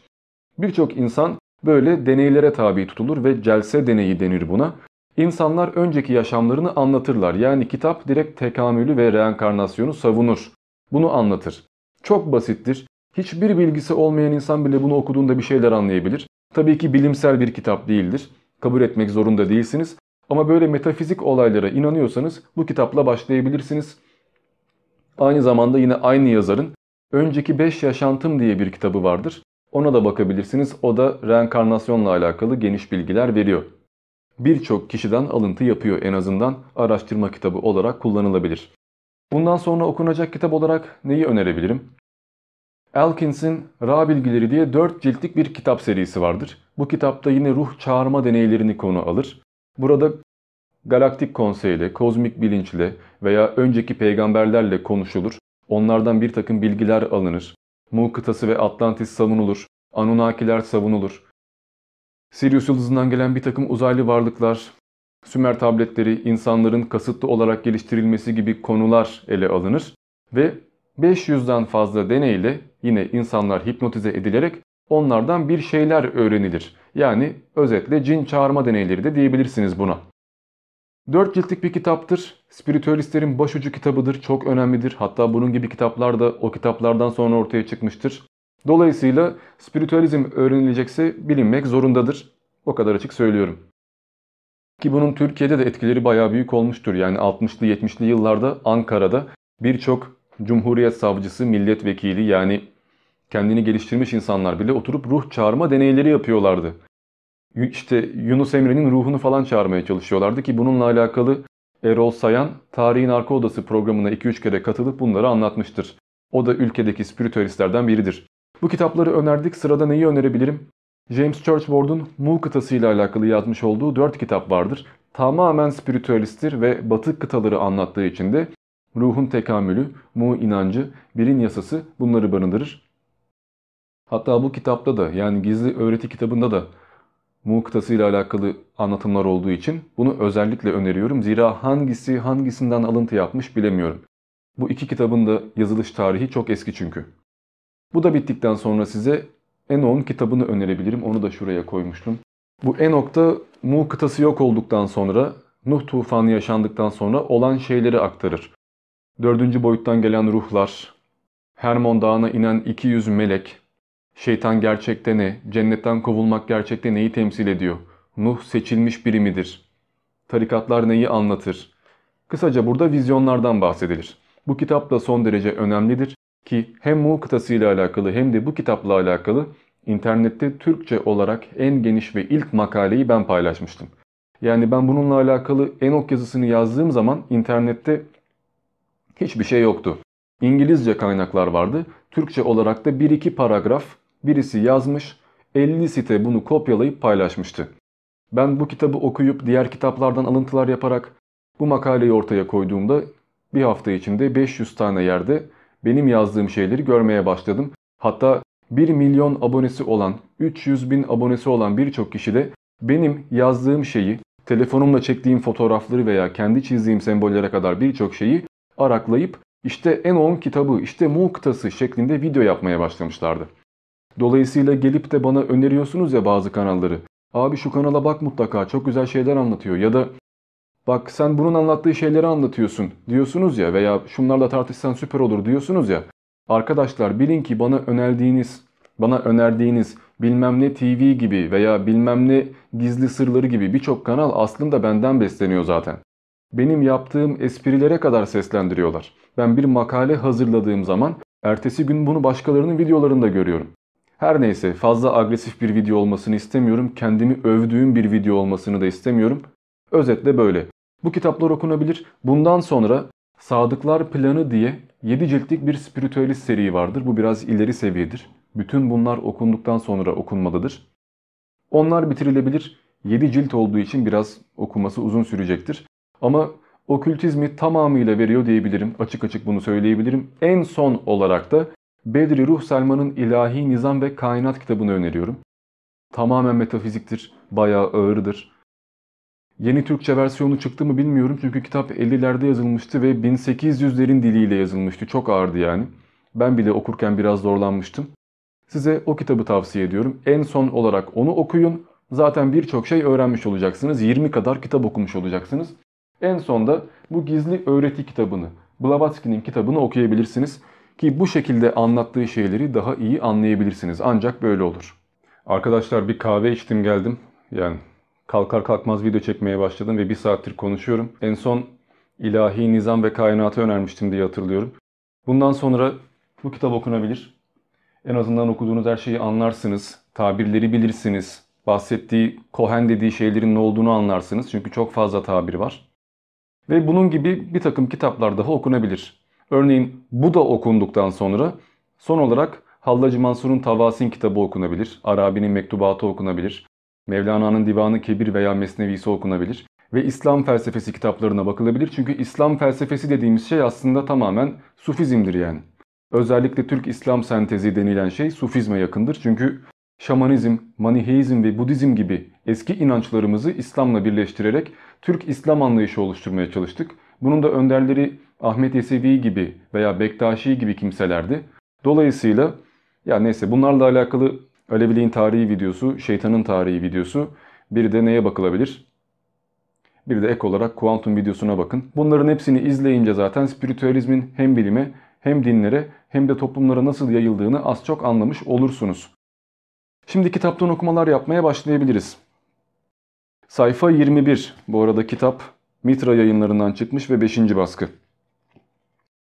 Ezoterik doktrin, Budizm ve Brahmanizm gibi ve hatta Kabala gibi bir sonsuz ve bilinmeyen özün bütün sonsuzluktan var olduğunu ve düzenli ve ahenkli diziler içinde pasif ya da aktif olduğunu öğretir. Manu'nun şiirsel anlatım tarzında bu koşullar Brahman'ın gündüzleri ve geceleri olarak adlandırılırlar. Bu ya uyanık ya da uykuda olmaktır. Şabavikalar veya Budizmin en eski okulunun filozofları onların Şabavat diye tanımladıkları bu özün sadece aktif durumu üzerinde kafa yorarlar ve onun pasif durumundaki soyut ve bilinemeyen gücü üzerinde teori geliştirmeyi aptallık olarak görürler. Bundan dolayı hem Hristiyan teologlar hem de modern bilim adamları tarafından ateistler olarak nitelendirilirler. Şimdi özetle burada diyor ki bizim inancımız bütün dinlerin temeline girmiştir. Fakat şu anda bunu fark edemeyen insanlar bizi ateist veya din düşmanı gibi adlandırıyorlar. Bunun devamında zaten bunlara giydiriyor. Nasıl diğer dinlerin içinde olduğunu söylüyor. Budistler, Yehova falan filan bunlardan bahsetmiş. Hristiyanların kendi insan biçimindeki tanrıları yıldırım ve şimşek arasından gürleyen Yehova ile bir tutmaya asla izin vermeyeceklerdir. Gibi gibi yani bizim tanrımız daha kusursuz diyorlar ama aslında aynı tanrı. Çünkü dediğim üzere spiritüalizm bütün dinlerin tanrılarını kabul eder. Sadece onların eksik olduğunu ve insanlar öyle anlayabilsin diye dördüncü boyut varlıkları tarafından basitleştirilerek anlatıldığını söyler. Asıl tanrı bunların hepsini Allah dahil bunları yaratan Tanrı'dır. Çünkü Allah bile kendine benzeyen bir varlık yaratsın diye yaratılmış, görev verilmiş bir Tanrı'dır bu anlayışa göre. Zaten bunlara da birazdan geliriz. Bakalım sayfa 22'de ne varmış? Sayfa 22. Gizli öğreti aktif bir dönemin açılışıyla beraber bu ilahi özün sonsuz ve değişmez kanuna itaat ederek içeri ve dışarı doğru bir yayılmanın vuku bulduğu ve olgusal ya da gözle görünen evrenin bu şekilde ard arda harekete geçirilen uzun kozmik güçler zincirinin en üst sonucu olduğunu söyler. Benzer şekilde pasif hareket geri alındığında ilahi özün bir daralması yer alır ve bir önceki yaratım çalışması dereceli ve ardışık olarak geriye doğru çözülür. Görünen evren dağılmış olur, maddesi yayılır ve karanlık, yalnızlık ve tek başınalık bir kere daha derinin yüzeyinde düşünceye dalar. Bu fikri çok daha açık bir şekilde ifade edecek olursak, gizli kitaplardan bir metafor kullanmak gerekirse, bilinmeyen özün dışarı bir nefes verişi dünyayı meydana getirir, bir nefes alışı ise onun yok olmasına sebep olur. Bu işlem tüm sonsuzluk boyunca devam etmektedir ve bizim şimdiki evrenimiz sonsuz serilerden sadece biridir. Başlangıcı olmamış ve sonu da olmayacaktır. Özetle Big Bang ile madde yaratıldı diye düşünüyoruz. Varlık meydana geldi, tekamül başladı diyoruz. Fakat bir de Big Crunch yaratılacak. Sonuçta eninde sonunda kıyamet kopacak. Buna kıyamet deyin veya evrenin sonu deyin. Bunu bilim adamları da şöyle kabul eder. O kadar genişleyecek ki, evren o kadar soğuyacak ki artık varlık meydana gelemeyecek. Canlılık, evren tamamen bitecek. Ya da filmi geriye sardırırsak bu patlama yavaşça daralmaya başlayacak ve bütün evren sıfır noktasına, Planck ölçeğine sıkıştırılacak. Bütün var olan madde tek bir nokta içinde bulunacak ve sonra bu enerji yine patlayacak. Yine Big Bang oluşacak. Yani Big Bang'den de önce bir şey vardı. Big Bang bir başlangıç değil, Big Bang maddenin şekil değiştirmesinden, daralıp patlamasından. Okültizme göre Allah'ın, varlığın nefes alıp vermesinden ibaret. Çünkü varlık Tanrı'nın ruhundan üflemesiyle, nefesini vermesiyle, kendine benzeyen bir şey yaratmasıyla meydana geldi. Tabi burada şöyle bir durum da var. Nefesi veren kişi anne oluyor, doğurgan kişi anne oluyor, çeken kişi baba oluyor. Yani bozan kişi baba oluyor.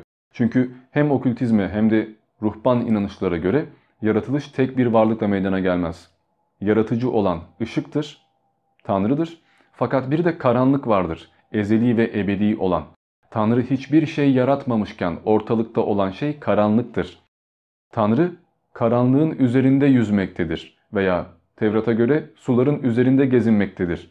Türk mitlerine göre karanlıkta var olmaktadır ve bir şey yaratmak ihtiyacı hissetmiştir. Işık olsun demiştir, ışık olmuştur. Evrenleri yaratmıştır, altı aşamada bunu tamamlamıştır. Dolayısıyla bütün yaratıcı inançların temelinde anne ve baba, tanrıça ve tanrı miti bulunmaktadır.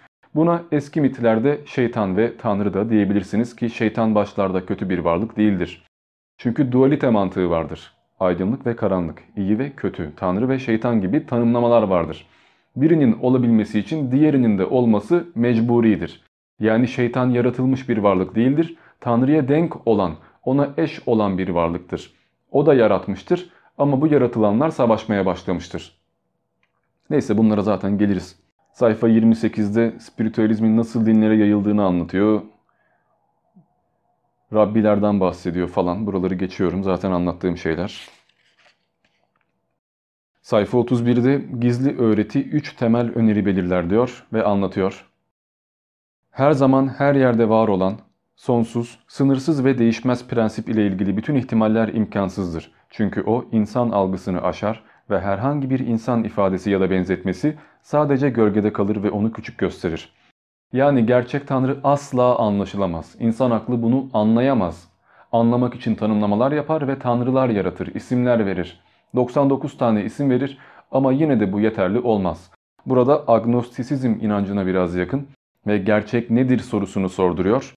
Zaten bununla alakalı 2 saatlik videomda ilk yarım saatte biraz değinmiştim. Özetle 7. boyuta kadar olan anlaşılabilen tanrıları, kutsal kitapların tanrılarını yaratılmış olarak görür. Bunları yaratan ise anlaşılamayacak bir varlık olarak tasvir eder. Burada bunu söyler. Mandukya kelimeleriyle ifade etmek gerekirse düşünülemez ve konuşulamazdır. O, düşünce sınırının ötesindedir. Bu fikirleri okuyucuya daha açık olarak sunmak için bütün tezahürü ettirilenden, varlıktan önce gelen tek mutlak gerçekliğin doğruluğunun koşulunu bırakalım da kendisi tesis etsin. Bu sınırsız ve sonsuz sebep, bütün olmuş, olan ve olacak olanın köksüz köküdür.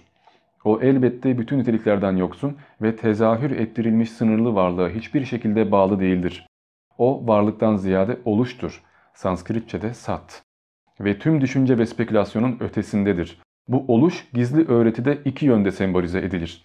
Birinde mutlak soyut uzay, yalın öznellik arz eden, hiçbir insan aklının dışarıdan bir kavramla ya da kendi kendine idrak edemeyeceği bir şey, diğerinde mutlak soyut hareket, koşula bağlı olmayan bilinç. Bizim batılı düşüncelerimiz bile göstermiştir ki bilinç değişiklikten başka bizim için idrak edilemez ve değişikliği en iyi sembolize eden harekettir. Onun gerekli karakteristiğidir. Yani Tanrı bir anlaşılabilen bir anlaşılamayan olmak üzere iki boyuta aittir. Anlaşılabilen yaratılandır, ayetlerdir. Anlaşılamayansa onu yaratandır ve Tanrı yaratmak zorunda kalmıştır. Bilincin varlığı değişmek zorunda olmasıyla gelir gibi bir şeyler söylüyor. Zaten bahsettiğim şeyler. Evrenin sonsuzluğu sınırsız bir plandır. Periyodik olarak sayısız evrenlerin aralıksız bir şekilde tezahür edip kaybolduğu oyun alanıdır. Beliren yıldızlar ve sonsuzluğun kıvılcımları diye adlandırılır. Dünyaların ortaya çıkışı ve kayboluşu düzenli bir medcezir gibidir. Şimdi burada işte evren bir simülasyondur, bir matrix'tir, bir oyun alanıdır. Bu hayat gelip geçicidir der ve Dizyan kitabından alıntılar yapar. Tabi Kur'an buna şöyle bir cevap verir. Hayır, bu dünya kesinlikle bir oyun alanı değildir. Haktır. Hak üzere yaratılmıştır. Yani gerçektir. Tabii ki bunun tersini söylediği ayetler de var. Ama özetle buna böyle cevap verilebilir. Sayfa 38'de 7 yaratım ve 7 sembolizm olayı var. Eski ahitteki yaratım günlerinden bahsediyor. Söylediğim şeye getirmiş. Buraya geçiyorum. Buradaki en basit anlatımları seçmek için not aldığımdan dolayı aslında birçoğunu anlattım. Dolayısıyla tekrara gerek görmüyorum. Diğer sayfalarda biraz daha sembolik, daha üstüne yarım saat konuşulacak şeyler söylüyor. E videoyu da 5 saat yapmanın lüzumu yok. Zaten önerdiğim kitapları okuyan birisi veya en azından bu videoyu biraz anlayarak izleyen birisi bu kadar şeye takılmayacaktır. Sayfa 49'da kitap gönderen tanrıların da yaratılmış olduğu ile alakalı bir bilgi var. Dördüncü stanza. Siz toprağın oğulları, dinleyin öğretmenlerinizi, ateşin oğullarını, öğrenin. Ne ilk vardır ne de son. Çünkü her şey birdir. Sayı, sayı olmayandan çıkmıştır. İşte varlıkta birlik olayı. Öğrenin başlangıçtaki yediden inen bizler. İlk ateşten doğan bizler de babalarımızdan öğrenmiştik. Yedi olan, anlaşılabilen tanrılar olan bizler de bizi yaratandan bir şeyler öğrendik, tekamül ettik. Işığın parlaklığından, daimi karanlığın ışını, yeniden uyandırılan enerjiler sıçradı uzaya. Yumurtadan biri, altısı ve beşi falan falan burada elementlere giriyor. Sanskritçe bir takım kelimeler var. Ve mutlak dörtlüğe giriş yapıyor. Ona zaten birazdan geleceğim. Işığın karanlıktan çıktığını, Tanrı'nın ışık olsun diye buyurduğunu ve bunların mutlak olduğunu falan anlatıyor. Bütün kitabı da okumaya gerek yok. Sayfa 52, dördüncü aşamada oğullara kendi suretlerini yaratmaları söylenir. Üçü reddeder, ikisi itaat eder. İşte oğullar, tanrılar, yaratıcılar, panteon, galaktik konsey, Anunnakiler veya Adonaylar ne isim veriyorsanız verin Allah veya Yehova da buna dahildir bu kitaba göre. Gerçi bütün spiritüelist anlayışa göre böyledir. Üçü reddeder, ikisi itaat eder denir. Yani yaratıma karşı gelen, Adem'e secde etmeyen olarak da anlaşılabilir. Tanrılar vardır. Bunlar da spiritüalizmde Allah olarak ifade edilir. Allah negatiflikten beslenen bir tanrıdır. Kötülükten beslenen bir tanrıdır. İnsanlara da savaşacakları, onları spiritüalizmden saptıran bir din göndermiştir. Semavi dinler aslında kötü niyetli varlığın gönderdiği dinlerdir. Şeytanın ayetleridir. Çünkü satanizme göre şeytan aslında iyi olan Allah'tır. Allah diye bildiğiniz tanrı ise asıl kötü olan isyan eden şeytanı temsil ediyor. Tam tersini söylüyor yani spiritüel satanizm. Spiritüel satanizm tamamen bu spiritüalizmle aynı şeydir. Onu baştan söyleyeyim. Dolayısıyla burası biraz çok uzun bir konu. Şeytanın tarihi videosuna bakarsanız zaten yeterli bilgi alacaksınız. Sayfa 56 zamanla alakalı bir tanım var. Zaman sadece biz sonsuz süreklilik içinde seyahat ederken birbiri ardından gelen bilinç hallerimiz tarafından üretilen bir illüzyondur. İllüzyonun üretilebileceği bilincin olmadığı yerde zaman var olmaz ancak uyku durumundadır. Yani bilincinde olacak bir şey yoksa bilinç de yoktur. E Tanrı bilinç ise bilincinde olacağı bir şey gerekir. Bunun içinde zamanı kullanır. Zaman sadece bir maskedir. Geçmiş, şimdi ve gelecek çoktan olmuş, bitmiş, yaşanmış şeylerdir. Donuk bir nehirdir. Tıpkı ben reenkarne olmak istediğimde 1500'lere geri dönebilecek olduğum gibi. Veya Tanrı varlığı yarattığında her şeyi bilen bir varlık olduğu için daha yaratmaya karar verdiği anda kıyamete kadar olacak olan her şeyi görebilmesi gibi. Çünkü mutlak bilgi bunu gerektirir yani. Zamandan bağımsızsınız. Olmuş olabilecek her şeyi, bütün paralel evrenleri, bütün verilebilecek kararları, bütün ruhların gideceği yolları biliyor olmanız gerekiyor.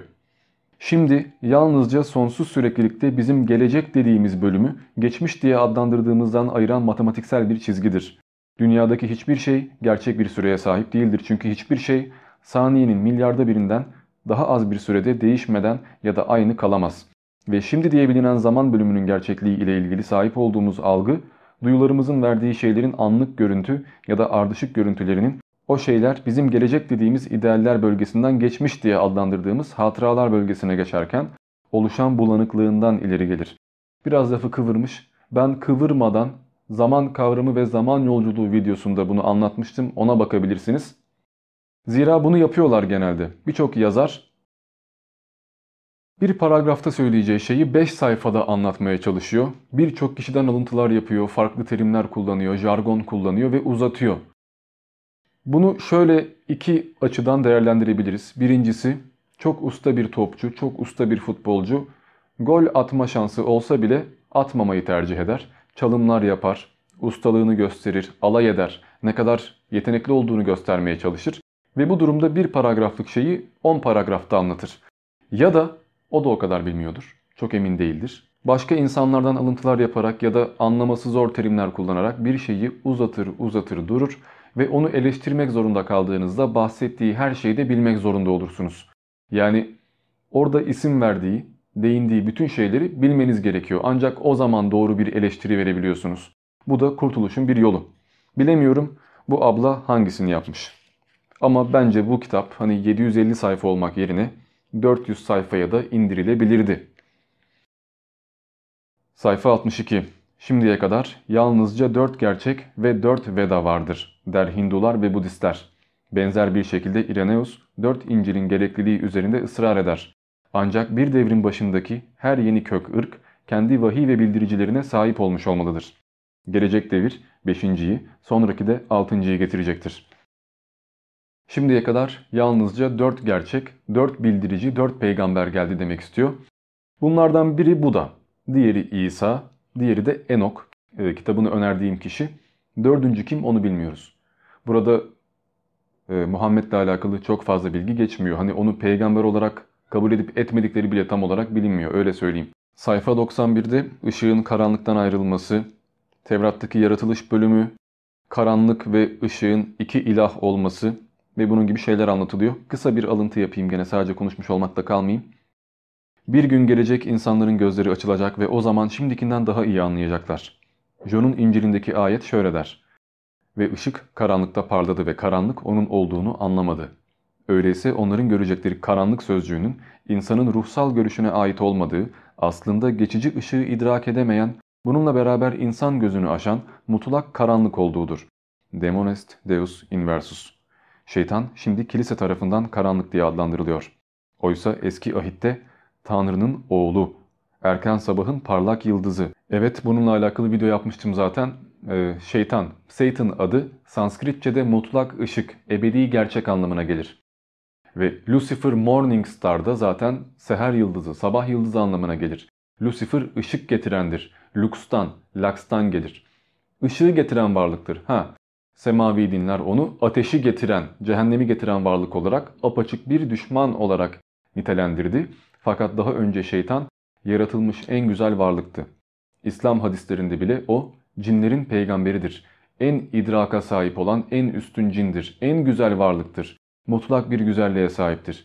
Balkan inanışlarında şeytan bir vampir gibi görülebilen en güzel varlıktır. İnsanlar sırf güzelliğinden bile ona kapılabilir, kandırılabilirler. Veya eski Mezopotamya inancında ve diğer inanışlarda şeytan yine parlaktır, mutlaktır, en güzel tanrıdır. Güzellik tanrısıdır, akıl tanrısıdır, en bilge tanrıdır.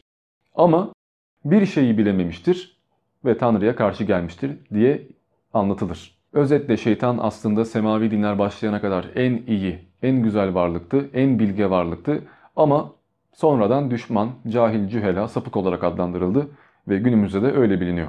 Halbuki eski metinlerde böyle bir durum yok. Zaten şeytan denge için gerekli olan, karanlık olan bir varlık. Sayfa 97 yine şeytanla alakalı bir şey. Kadimler onu bir yılanla temsil ettiler. Çünkü Fohat yani Tanrı zikzaklarla süzülürken her tarafa tıslamaktaydı. Yani Tanrı'nın ruhu karanlığın üzerinde yükselmekteydi. Kabala onu İbranice tet harfiyle gösterir. Sembolü sırlarda belirgin bir rol oynayan yılandır. Evrensel değeri 9'dur. Çünkü o alfabenin 9. harfidir ve 50 portalın ya da varlığın gizli sırlarına götüren geçiş kapılarının 9. kapısıdır. O eşsiz majikal araçtır ve hermetik felsefede şöyle tanımlanmıştır. Hayat maddenin içine nüfuz etti. Bütün şeyleri düzenleyen öz ve onların şekillerini belirleyen ruh. Ancak iki gizli hermetik uygulama vardır. Birisi spiritüel, diğeri maddesel, bağıntılı ve sonsuza dek birleşiktir. Sen dünyayı ateşten ayıracaksın. İnce olanı yoğun olandan ayıracaksın. Ki o dünyadan göğe çıkar ve gökten tekrar dünyaya iner. O her gücün kudretli gücüdür. Zira her süptil ele geçirilir ve her katı olanın içine işler. Dünya böyle şekillenmiştir. Hermetik öğreti biraz sıkıcı bir anlatım. Buradan sonra ateşin kutsallığına geliliyor. Yani ışık, ateş, ateşten gelen kutsallık, ilk yaratılan şeyin ateş olması, işte büyük patlamanın da ateş olması gibi gibi. Burada Zerdüştiliğe girmeye başlıyor. Çünkü Zerdüştilik de gerçekten spiritüel bir takım e, felsefeyi barındırıyor. Ama zaten Zerdüştilikle alakalı ayrı bir video yapacağım için burayı şimdilik geçiyorum. Sayfa 118 Sonrasında dağılan ve kendini elementlere dönüştüren kozmik maddeyi gruplaşmış dört mistik olarak beşinci elementin, eter, akashanın astarı, anima mundi ya da kozmosun annesi olarak içinde görüyoruz. Noktalar, çizgiler, üçgenler, küpler ve daireler. Ve son olarak küreler. Neden de nasıl? Çünkü diyor açıklama.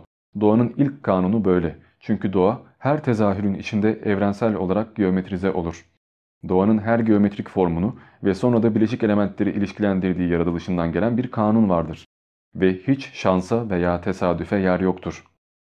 Sadece başlangıç maddesinde değil, ayrıca bizim olgusal planımızın tezahür etmiş maddesinde de. Doğadaki devinimin hiç ara vermemesi ya da dinlenme olmaması okültizmde temel bir kanundur. Dinlenme sadece bir formun diğer bir forma dönüşümüdür. Maddenin değişimi bir elden diğerine formla beraber geçer. Aslında burada bahsettiği şey yine özetle geometrinin, tasarımın önemi. Çünkü masonlukta büyük mimar teorisi vardır. Evren tasarlanmıştır ve kusursuz tasarlanmıştır. Evren matematikle ifade edilmiştir ki hatta Pisagor da buna inanmıştır. Bu yüzden matematiği tanrılaştırmıştır. Tanrı'nın dili olarak, Enokyan Maji olarak sembolize etmiştir. Burada da işte yaratılış, yaratılışı açıklamak için kullanılan dil, matematik, geometri, sanat, bunun gibi şeylerin sembolikliğin kutsallığı ifade ediliyor. Zaten bu yüzden sembolizmin de kutsal bir dil olduğu söyleniyor. Yani şu anda siz birisine büyü yaptırayım, muska yazdırayım derken de adam orada semboller çiziyor. Veya bir mason tapınağına gittiğinizde her taraf sembol. Veya bütün dinlerin bir sembolü var. Hristiyanlıkta haç var, İslamiyet'te ay var gibi gibi bu sonsuza kadar gider. Zaten sonralarında anlatıyor. Bunlarla alakalı da video yapmıştım zaten. Muktası ile alakalı yaptığım videonun ikinci partına bakarsanız yeterli olur diye düşünüyorum. Sayfa 120. Şababat mistik özdür. Fiziksel doğanın şekil verilebilen köküdür. Sayılar tezahür ettirildiğinde en yüksek plandaki onun madde birliğindeki sayıdır. Dört katlı Anima Mundi'nin kabalistik arketipsel dünyanın eş anlamlısıdır. Ondan yaratıcı, şekillendirici ve materyal dünyalar doğar. Zerreler ya da kıvılcımlar ve son üçün içinde barınan diğer dünyalar. Dünyalar idarecilere ve vekillere bağlıdır. Bunlar Hindulara göre rişiler ve pitriler, Yahudiler ve Hristiyanlara göre ise melekler ve genel olarak kadimlere göre de tanrılardır. Burada dünyaların, evrenlerin işte 6. boyut, 7. boyut veya Anunnaki gibi tanrılara verildiğinden bahsediliyor. Ki eski Türk inancında da buna benzer şeyler var. Bilmiyorum anlattım mı çünkü çok konuştum videonun başından beri belki anlatmışımdır. Anlatmışsam burayı keserim anlatmadıysam tekrar söylemiş olayım. Eski Türk inanışında dünyayı Ülgen yaratır. Ülgen insanları da yaratır fakat onlara ruh üflemez. Bunlara nasıl ruh üfleyeceğim, nasıl yaratsam, nasıl irade versem diye düşünür ve cennet bahçesinde gezinmeye çıkar. Bu esnada erlik yani şeytan cennete sızar ve bu kabuk olan, boş olan insanların sırtından kendi ruhunu üflemeye başlar. İnsanlara kendi ruhunu üfleyince insanlar günahı da bilirler. Bilgelik ağacından yemiş olurlar. Ülgen gelir, bakar ki şeytan bu insanları diriltmiş, yani bunları şeytan yaratmış, insanları terk eder, dünyayı terk eder, ne yapıyorsanız yapın der ve gider. Kendi varlıklarını yaratmaya başlar. Bu dünyaya bakan, bizi yöneten şey ise şeytan olur. Bu söylenir, yaratılış teorisinde var. Muhtemelen şimdiye kadar Türklerin yaratılış destanı ile alakalı video paylaşmış olurum. Paylaşmadıysam da bir iki hafta içinde paylaşacağım merak etmeyin. Sayfa 121'de güneşin işte bir yıldız olmasıyla alakalı ve astrolojik değeriyle alakalı şeyler var. Girmeye gerek görmüyorum. Zaten güneşin tanrı olarak sembolize edildiği ve tanrıların da kendilerine tanrı oğlu veya tanrı kral, güneşin oğlu dediğini başka videolarımda söylemiştim. Ve önerdiğim kitapların da içinde yazıyor zaten. Sayfa 127'de ilahi kaydedenler diye yani kiramel katibin gibi günahları kaydeden veya insanların nereye gideceğini belirleyen cennet mi, cehennem mi, ruh temiz mi, değil mi? Bununla görevlendirilmiş dördüncü boyut varlıklarından bahsediliyor. Şöyle özetleyeyim. Ee, Osiris'in önünde insan ruhunun hüküm vericileri olarak Amenti bölgesinde duran 40 yargıç, Lipika gibi aynı ilahlar sınıfına aittirler. Lipika dördüncü boyut. Ve ezoterik anlamlarında da Mısırlı tanrılar o kadar az anlaşılmamış olsa da benzer konuma sahip olabilirler. Ki aslında öyledir sonra bunu söyleyecek. Çünkü Ra bilgileri kitabında Ra'nın, Horus'un, Mısır tanrılarının veya Yunan tanrılarının aslında uzaylı varlıklar olduğunu söyler. Sirius yıldızından gelen ve insanlara din gönderen Anunnakiler olduğunu söyler. Fakat insanlar bunları tanrı olarak ruhani bir formda göremeyecekleri için bunlar kendilerini hayvan kafalı varlıklar olarak göstermişlerdir. Ya da iri yarı Yunan tanrıları gibi göstermişlerdir ve bir dağın başında oturarak insanları yönetmişlerdir. Tevrat'ta bunlara nefilim denilir. Melekler Hermon Dağı'na inerler, insanlarla cinsel ilişkiye girerler. İnsanlar ve meleklerin ilişkisinden doğan devler vardır, nefilimler. Bunlar büyü yapabilirler, Tanrı oğlu diye adlandırılır bunlar. O dönemin çağ kahramanları ve ünlü kişileridir diye geçer. Sadece Tevrat değil Enok kitabı da bunu anlatır ve işte bunlar insanlara dinleri yayan tanrılardır. Onlar dördüncü boyuttan gelen özellikle enkarne olan varlıklardır. Ve bunlar işte insanları test ederler, din gönderip bunlar iyi yolda, bunlar kötü yolda diye bazen Lut kavmini yok ederler, bazen tufan yaparlar, bazen ise size peygamber yollarlar. Hindu Chitragupta her ruhun kaydının okuyucusu Agrasandani olarak adlandırılır. Yama, Minos, Osiris ya da Karma'nın önünde açık bir kitap haline gelen ölümün kalbini okuyanlar, yargıçlar. Tabii ki Mısır'da bu Anubis'tir. Bir kalp ve tüy ile insanın ruhunu, günahını, sevabını teraziye koyup tartar. Tıpkı İslamiyet'te olduğu gibi ve ruhun nereye gideceğine karar verir. Anubis de zaten şuradaki sembol. Bazıları onu şeytan falan zannediyor alakası yok. Lipika'nın ve onların astral kayıtlarının çok çeşitli örnekleri vardır. Yine de Lipika ölümle ilgisi olan ilahi varlıklar değildir. Sadece sonsuz hayat ile ilişkilidirler. Yani Azrail veya Anubis veya diğer tanrılar, Set bunlar insanları öldüren varlıklar değiller. Can almıyorlar. Canın nereye gideceğini belirliyorlar. Bunlar ölüme giden yolda bir taşıyıcılar. Görevleri bu. Lipika her insanın ve doğan her çocuğun ancak kaderci bir anlayışla değil, sadece geçmiş gibi geleceğin de her daim anda canlı olduğu bir şekilde astral ışık üzerine önceden çizilmiş kaderleriyle bağlantılıdırlar.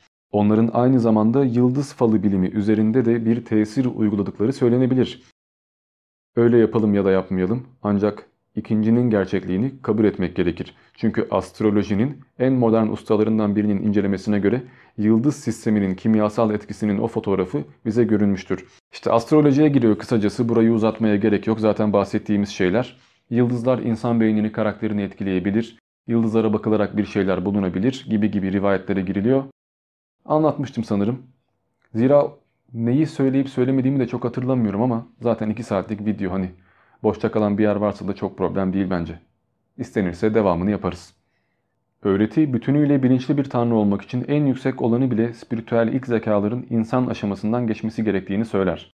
Ve biz insan dediğimizde bu sadece bizim dünyevi insanlık anlamında değil, herhangi bir dünyada ikamet eden ölümlüler anlamına da gelir.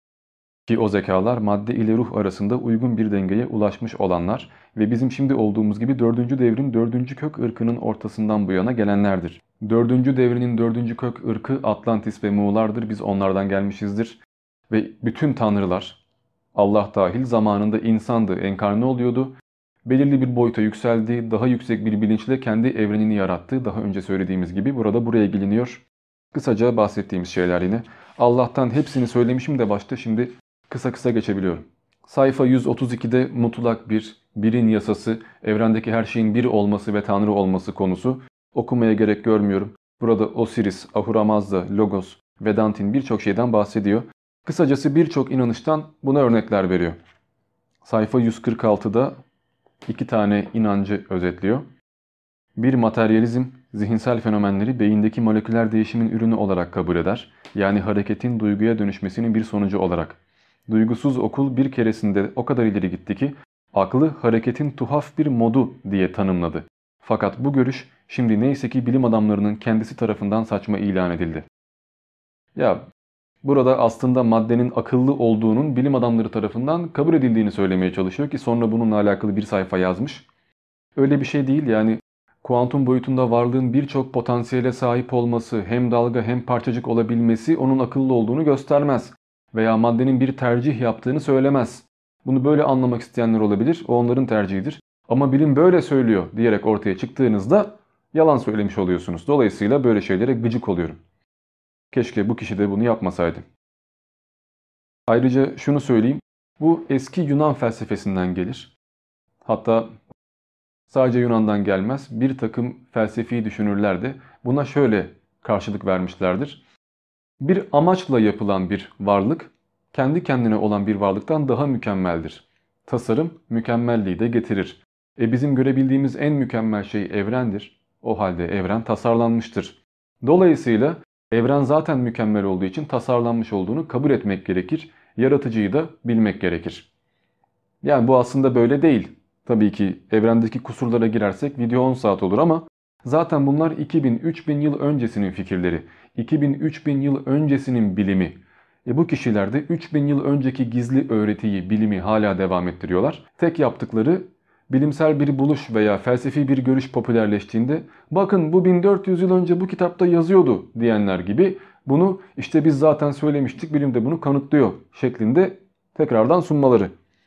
Ne kadar etik orası beni bağlamıyor. Ben sonuçta bunlara inanmıyorum zaten. Sayfa 147'de tapınak, kare avlu, 4 sembolüne geliyor. Bununla alakalı Mahşer'in 4 atlısı videosunda zaten 4 sembolünü incelemiştim. Ee, Ekrem Bey de zaten bunu istemişti benden. 4 ve 7 sembolizmi merak ediyordu. 7'yi verdik, 7'yi anlattık. Basit. 7 ile alakalı Enok videosuna bakılabilir zaten. 4 ile alakalı da Mahşer'in 4 atlısı videosuna bakılabilir. Orada da şöyledir. Evrende 4 ana yön vardır. Doğu, batı, kuzey, güney.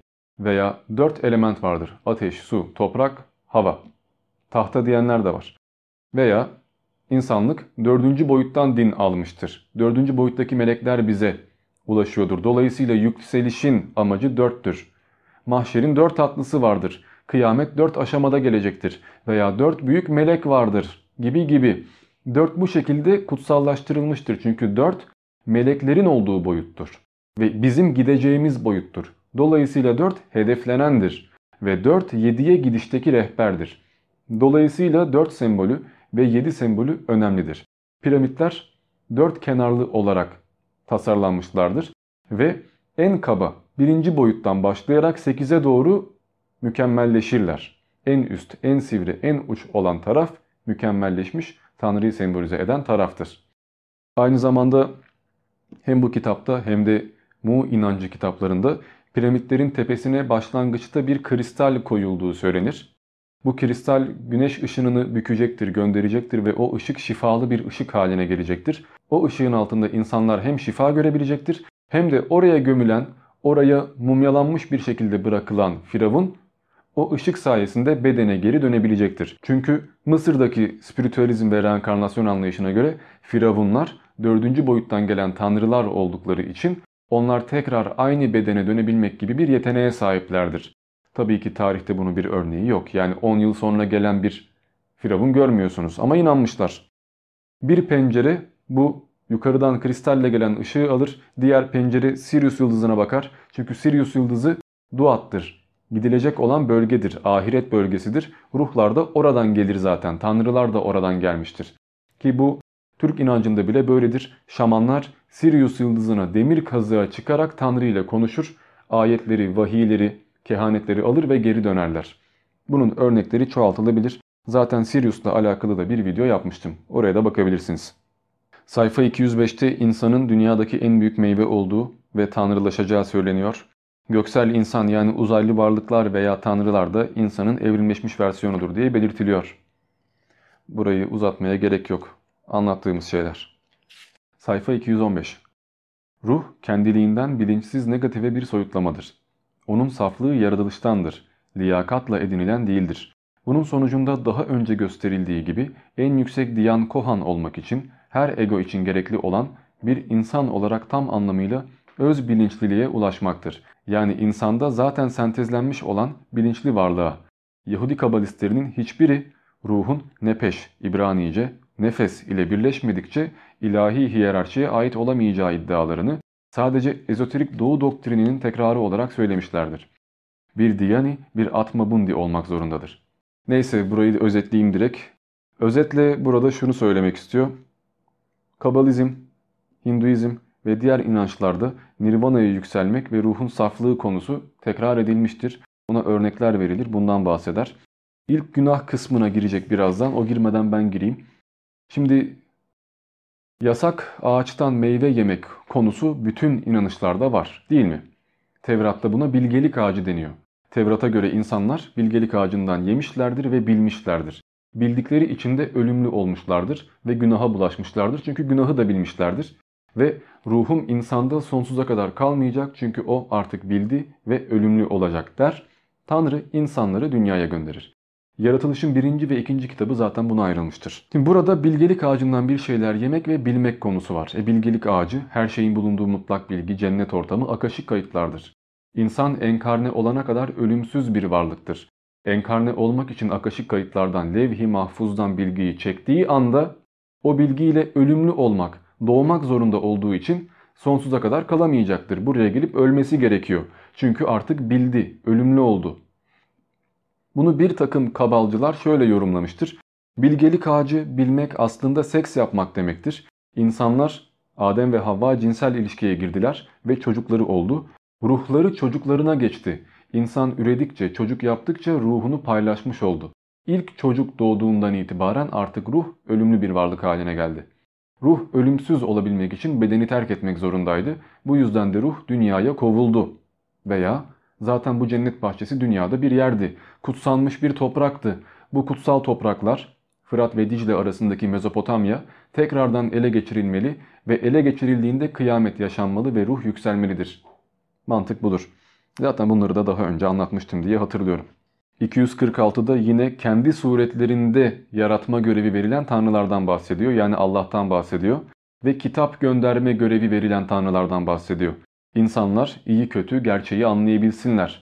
Tabi kitaplar başta gönderildi. Bunlar okültist kitaplardı. Fakat zamanla ruhban kesimler bu kitapları halk anlayabilsin, halkı dinle yönetebilelim, onları işte on emir gibi şeyler verelim, insanları kontrol edebilelim diye dinler haline getirdi. Zaten bu yüzden bütün dinlerin temelinde ortak öğreti yatıyor. İnsanlar bu dinleri kutsal kitaplarla değiştirmeye başladılar. Fikri yatıyor. Sayfa 287'de paranirvana, pralaya vesaire büyük nefese dönmek, egoların kendini aşması ve orijinal prensiplerine dönmüş olması, kıyamet vakti bunun gibi şeyler anlatılıyor. Kötü diye bir şeyin olmadığından bahsediliyor bunun gibi şeyler. Evet anlattığımız şeyler.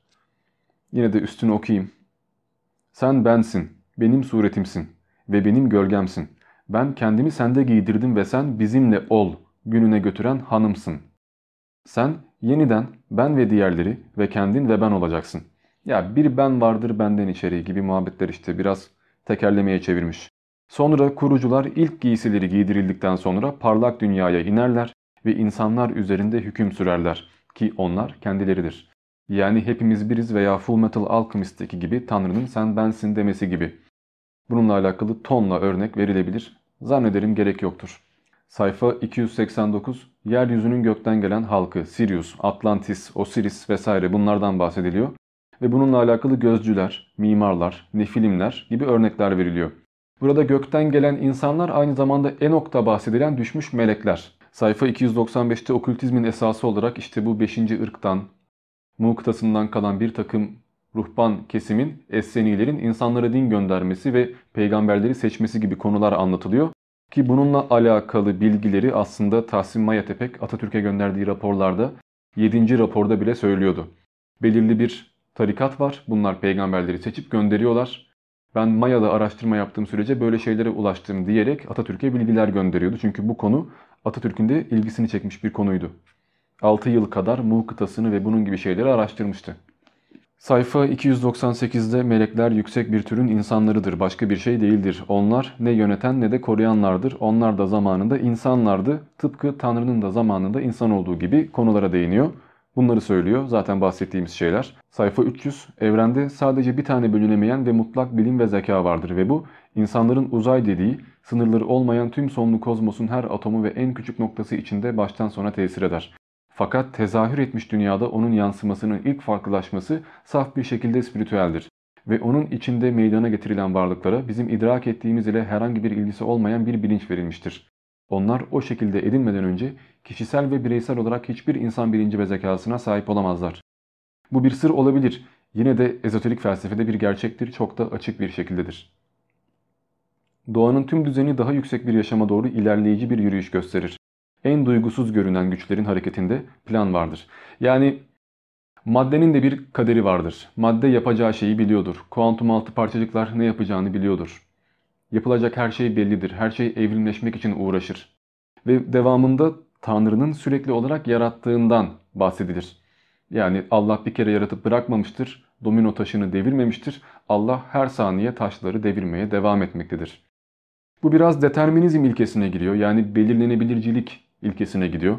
Örneğin ben burada bir şeyi yere bıraktığımda ne kadar saniye içinde yere düşebileceğini hesaplıyorsam veya maddenin tam olarak konumunu ve gidişatını bilebilirsem tüm evrenin 10 bin yıl sonra hangi durumda olacağını bilebilirim veya metre bölü saniye hesaplarıyla bir aracın 1 saat içinde ne kadar kilometre hıza ulaşabileceğini ve gidebileceğini öğrenebilirim.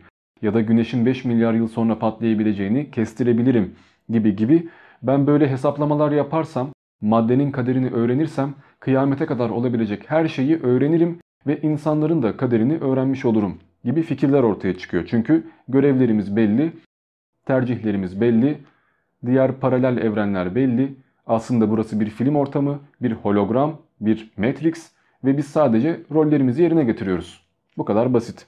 Devamında zaten bunları savunuyor diğer bütün kitaplarda olduğu gibi. Sayfa 319 Evrensel İllüzyon, Hermes'in cinleri ve tanrıları, Yunan ve Latin kiliselerinde karanlığın güçleri ve melekler olarak ya da spiritüalizmde ölü ruhları diye veya Hindistan'da bot veya devalar, Müslüman ülkelerde şeytan ya da cin olarak adlandırılsalar da onların hepsi birdir ve aynı şeydir. İllüzyon. Ancak bu son zamanda batı okulları tarafından bozulan Vedantistlerin büyük felsefik doktrinlerindeki anlamıyla yanlış anlaşılmasın. Mutlak olandan doğan, yalnızca bu nitelikten olan bütün bir ve tek gerçeklik olarak durur. Bu mutlak dışındaki her şey üretici ve nedensel element en inkar edilemez bir şekilde illüzyon olmalıdır. İşte evren illüzyondur bunlar. Gerçek değildir. Gerçek nedir ki? Gerçek beyindeki elektriklenmelerden ibarettir. Asıl gerçek ideyadır. Maddenin ardındaki gerçek bilgidir. Kalp gözüyle görülendir, vahiy ile verilendir, sezgi yoluyla anlaşılandır. Deneysellik, bilim veya felsefe tam olarak bize gerçeği veremez. Beynimiz bizi kandırır.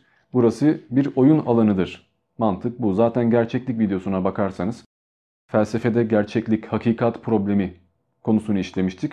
Bir şeylerden bahsetmiştik. Sayfa 548 Fizik ya da metafizik, bilimin maskeleri.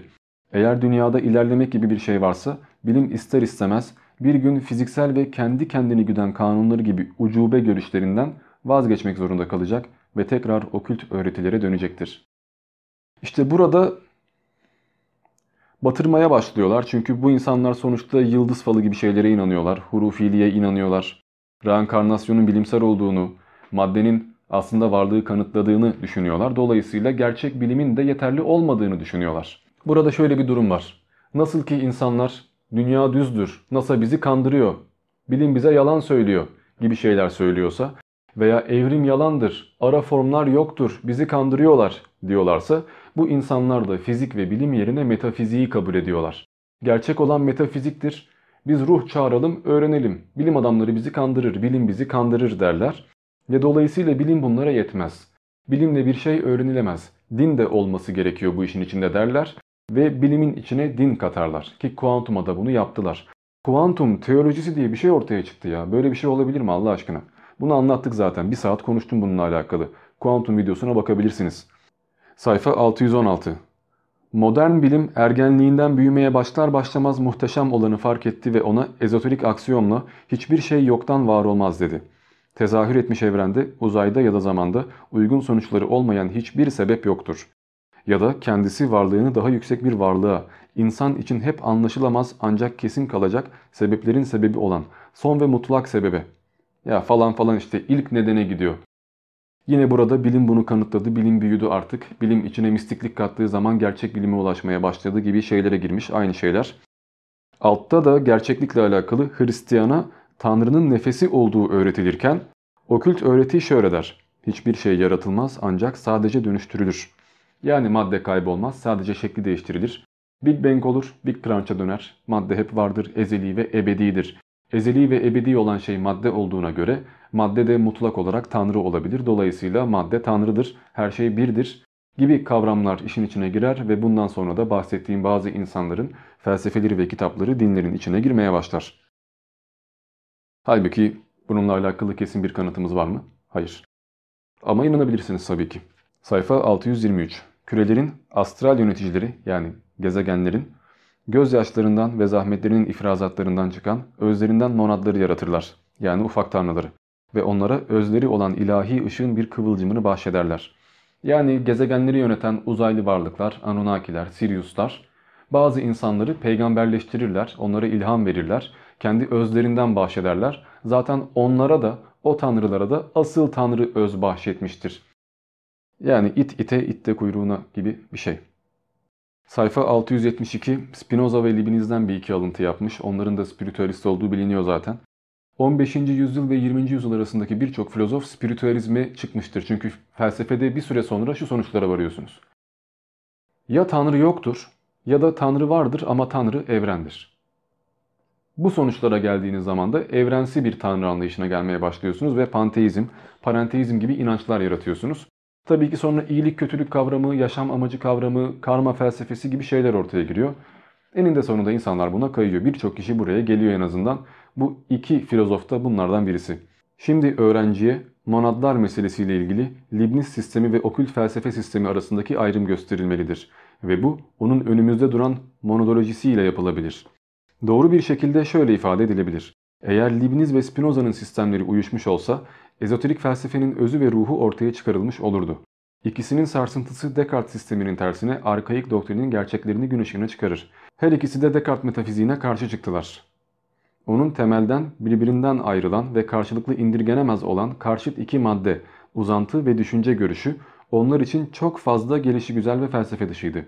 Bu şekilde Leibniz iki Descartesçi maddede Onda Tanrı'yı gördüğü tek evrensel birliğin iki nitelik anlamını verdi. Spinoza sadece bölünemez bir evrensel maddeyi ve parabrahmam gibi mutlak bütünü kabul etti. Tersine Leibniz bir maddeler çokluğu varlığını gördü. Yani Spinoza vahdeti vücut dedi, panteizm. Leibniz vahdeti şuhut dedi, panenteizm. Birin içinde ve ondan gelen bir varlıklar çokluğu. Sonucunda her ikisi de bir gerçek varlığı kabul etse de Spinoza onu kişi dışı ve bölünemez görürken Leibniz kişisel ilahi varlığını bir dizi ilahi ve yarı ilahi varlıklara böldü. Spinoza sübjektif, Leibniz ise objektif panteisti. Yine de ikisi de kendi sezgisel algılarında büyük filozoflardı. Burada benim dediğim şeye geliyor diyerek adamları övüp sonra da tam olarak işte o kadar düşünememişler moduna getiriyor. Yani bu yine vardır. Bir videomda bahsetmiştim. Bir arkadaşıma Einstein'dan bahsediyorken o kadar akıllı bir adam olsaydı Müslüman olurdu ya gibi bir şey söylemişti. Bu mantık binlerce yıldır vardır. Benim inandığıma inanmıyorsan veya okuduğun bir kitaptan benimle aynı şeyi anlamıyorsan yanlış anlamışsındır ya da yeterince ermemişsindir. Allah hidayet vermemiştir. Bana da bununla alakalı tonla yorum geliyor. Bin tane kitap okumuşsun ama bir şey öğrenememişsin falan. Allah sana hidayet versin gibi şeyler diyorlar. Ve bunu diyenlerin çoğu hayatlarında bir kere bile o kitabı okumamış insanlar oluyor genelde. Okumadıkları şeyleri savunuyorlar. Bu kişi okumuş etmiş eyvallah ama yine de işte tam olarak idrak edememişler. En azından kabul etmişler diyerek övüyor. Ne kadar büyük filozoflar olsalar da tam olarak okültist olmadıkları için doğruyu bulamadılar demeye getiriyor. Klasik, cemaatçi, yobaz bir mantık aslında. Bu vardır, spiritüalistlerde vardır. Çünkü gerçek bilgiyi elde etmek ve aydınlanmak bu illüzyonu kırmak ve kabul etmek demektir. Zaten bunu şeyhler, alimler yapmışlardır. Bunu kırmışlardır ki işte müteşabih ayetleri öğrenmiş, ayetin ardındaki manayı öğrenmiş ve bunu insanlara aktarmaya başlamışlardır. Ayetler, kutsal kitaplar ve basit felsefe halkın anlayabileceği düşük zekalı insanlara hitap eden metaforlardan ibarettir. Bunların ardındaki gerçek bilgiyi ise ancak ermiş insanlar bilebilir. Buraya göre de bütün spiritüalistler ermiş insanlardır. Hatta yine tasavvuftan bir örnek vereyim. Tasavvufta malum kişinin şöyle bir şey yaptığı da anlatılır. Müritlerine ya gidip tavaf etmenize, hac yapmanıza ne gerek var? Hepimiz biriz zaten, hakkız. Ben haktan geliyorum. Zaten Mesnevi'yi de bana hak yazdırdı. Hak üzerine yazdım. Bana bu indi. Tanrı yazdırdı. Dolayısıyla parayı bana verin. Benim etrafımda yedi kere dönün. Hac yapmış olacaksınız. Ne gerek var ta oralara gitmeye? Demiştir bunu kitaplarında yazmıştır.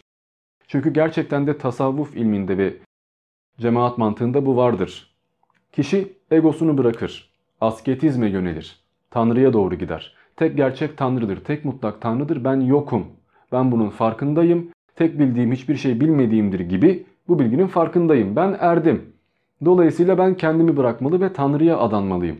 Bunun için ne yaparlar? Dergahlarda 40 yıl boyunca hizmet edersiniz. Şeyh olmak isteyen birisi 40 yıl boyunca her gün 500 kere Fatiha okur, çay götürür, yerleri siler. Şeyhlere hizmet eder. 40 yıl boyunca kendisini feda ettiği, egosundan arındığı için 40 yılın sonunda da gider alim olur, şeyh olur, kendi tarikatını kurmaya başlar. Veya kendisini tamamen Tanrı'ya adar. Fight Club filminde mesela bu vardır. Fight Club'a bir iki tane üye alacağınızda onları 3 gün kapıda bekletirsiniz. Egolarından arındırırsınız, aşağılarsınız, küfredersiniz. Ancak dayanabilen, kendini bırakabilen insanları içeri alırsınız ve onlar Fight Club'ın müridi olurlar.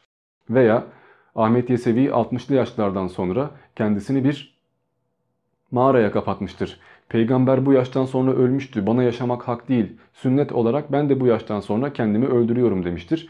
Ve bir rivayete göre 120'li yaşlarına kadar yani 60 yıl kadar mağarada kapanmış sadece dua etmiştir. Buna asketizm yani çilecilik denir. Veya Yunus Emre kendisini bir lokma bir hırka çöllere atmıştır. Allah yolunda yürümüştür. Bunun örnekleri sonsuz. Ya da Hallacı Mansur derisi yüzüleceği halde bunu kabul etmiştir ve enel hak ben Allah'ım demiştir. Aynı şeyi sonraki filozoflar da, tasavvufçular da, sufistler de söylediler. Ve onlar da çileciliği, egoyu, benliği öldürmeyi, tek egonun, tek benliğin Allah olduğunu kabul etmeyi öğütlediler ve bu yolda dergahlar, tarikatlar, nakşibendilik gibi şeyler yaptılar. Bu yüzden şu anki şeyhler, şu anki hocalar kutsal kabul edilir. Zaten bu yüzden o insanların bir şey başardığına inanılır. Veya sürekli böyle tekerlekli sandalyede otursalar da sanki adam buradan tayyi mekan yapıyormuş, aynı anda 5 tane farklı camide namaz kılıyormuş gibi düşünülür. Bunu yapanlar, onlara tapanlar da ileride o hocalar gibi olmayı ümit ediyorlar. Burada bir müritlik konusu var. Burada yine bu vardır. Spiritüalistlerde bu vardır. Karma seminerlerine gideceksiniz. Yıllar boyunca kendinizi bırakıp yoga yapacaksınız, meditasyon yapacaksınız. Bazı aydınlanmış hocalara, üstadlara, mentorlara biat edeceksiniz. Hatta bunu o kadar abartanlar var ki Nişantaşı'nda veya Bebek'te bazı yaşam koçlarının nur çeşmesinden bir şeyler içirdiğini, insanlara oral seks yaptırarak bak ben sana nur çeşmemden hidayet veriyorum dediğini ve gerçekten milletin de buna inandığını görebiliyoruz. Ki bunun bir benzeri de zaten şehvetiye tarikatıdır. İnsanlar şeyhiyle ilişkiye girerek cennete gidebileceklerini düşünmüşlerdir. Şeyhinle ilişkiye gireceksin erkek grup her türlüsü ve şeyh öldükten sonra seni cennete götürecek. Devenin üstünde seni de arkasına alacak. Bunun benzeri yine bir takım hocalar, cübbeliler çıkıp anlatırlar. Atıyorum bir kişi ölse, cehenneme götürülecek olsa, azap melekleri onu yakalasa, ben Nakşibendi tarikatının bilmem ne kolundanım dersen anında bırakırlar. Şeyhin gelir seni kurtarır. Bunu camilerde, cuma hutbelerinde söylüyorlar gerçekten. Yani bu bütün ruhban mantığında vardır. Siyonizmde bu nasıldır? Yine kendisini Siyon'a adayan, kendisini 40 yıl masonluğa adayan insanlar mertebe yükselirler, farmason olurlar. 33. dereceye geldiklerinde üstatlık seviyesi aldıklarında bu sefer onlar lider olmaya başlar. Bu hep vardır yani. Ağlamayana meme yok, çalışmayana ekmek yok mantığıyla sizi 40 yıl bir inancın peşinde çalıştırıyorlar. Zaten bu yüzden diyorum bunlar çok benziyor. Aynı şeyi bütün dinlerde görebiliyorsunuz diye. Evet sayfa 681 peygamberler, kurtarıcılar, avatarlar, kiliselerde bahsedilen Mesih kavramı gibi gibi bunun gibi şeyler bahsediliyor. Bu da vesaire 7. prensip, 7 sembolizmi aynı şeyler. Kaderimiz yıldızlarda yazılmış diyor sayfa 682. Ancak ölümlü insan bunu anlayamaz. Dolayısıyla yıldızlara bakarak bunun sembollerini ortaya koymalıdır. Gerçeği fark etmelidir. Yıldız falı bakmalıdır. Hurufu mukatta harflerine girmelidir. Büyü yapmaya çalışmalıdır. Gibi gibi. Son bir not bitiriyoruz.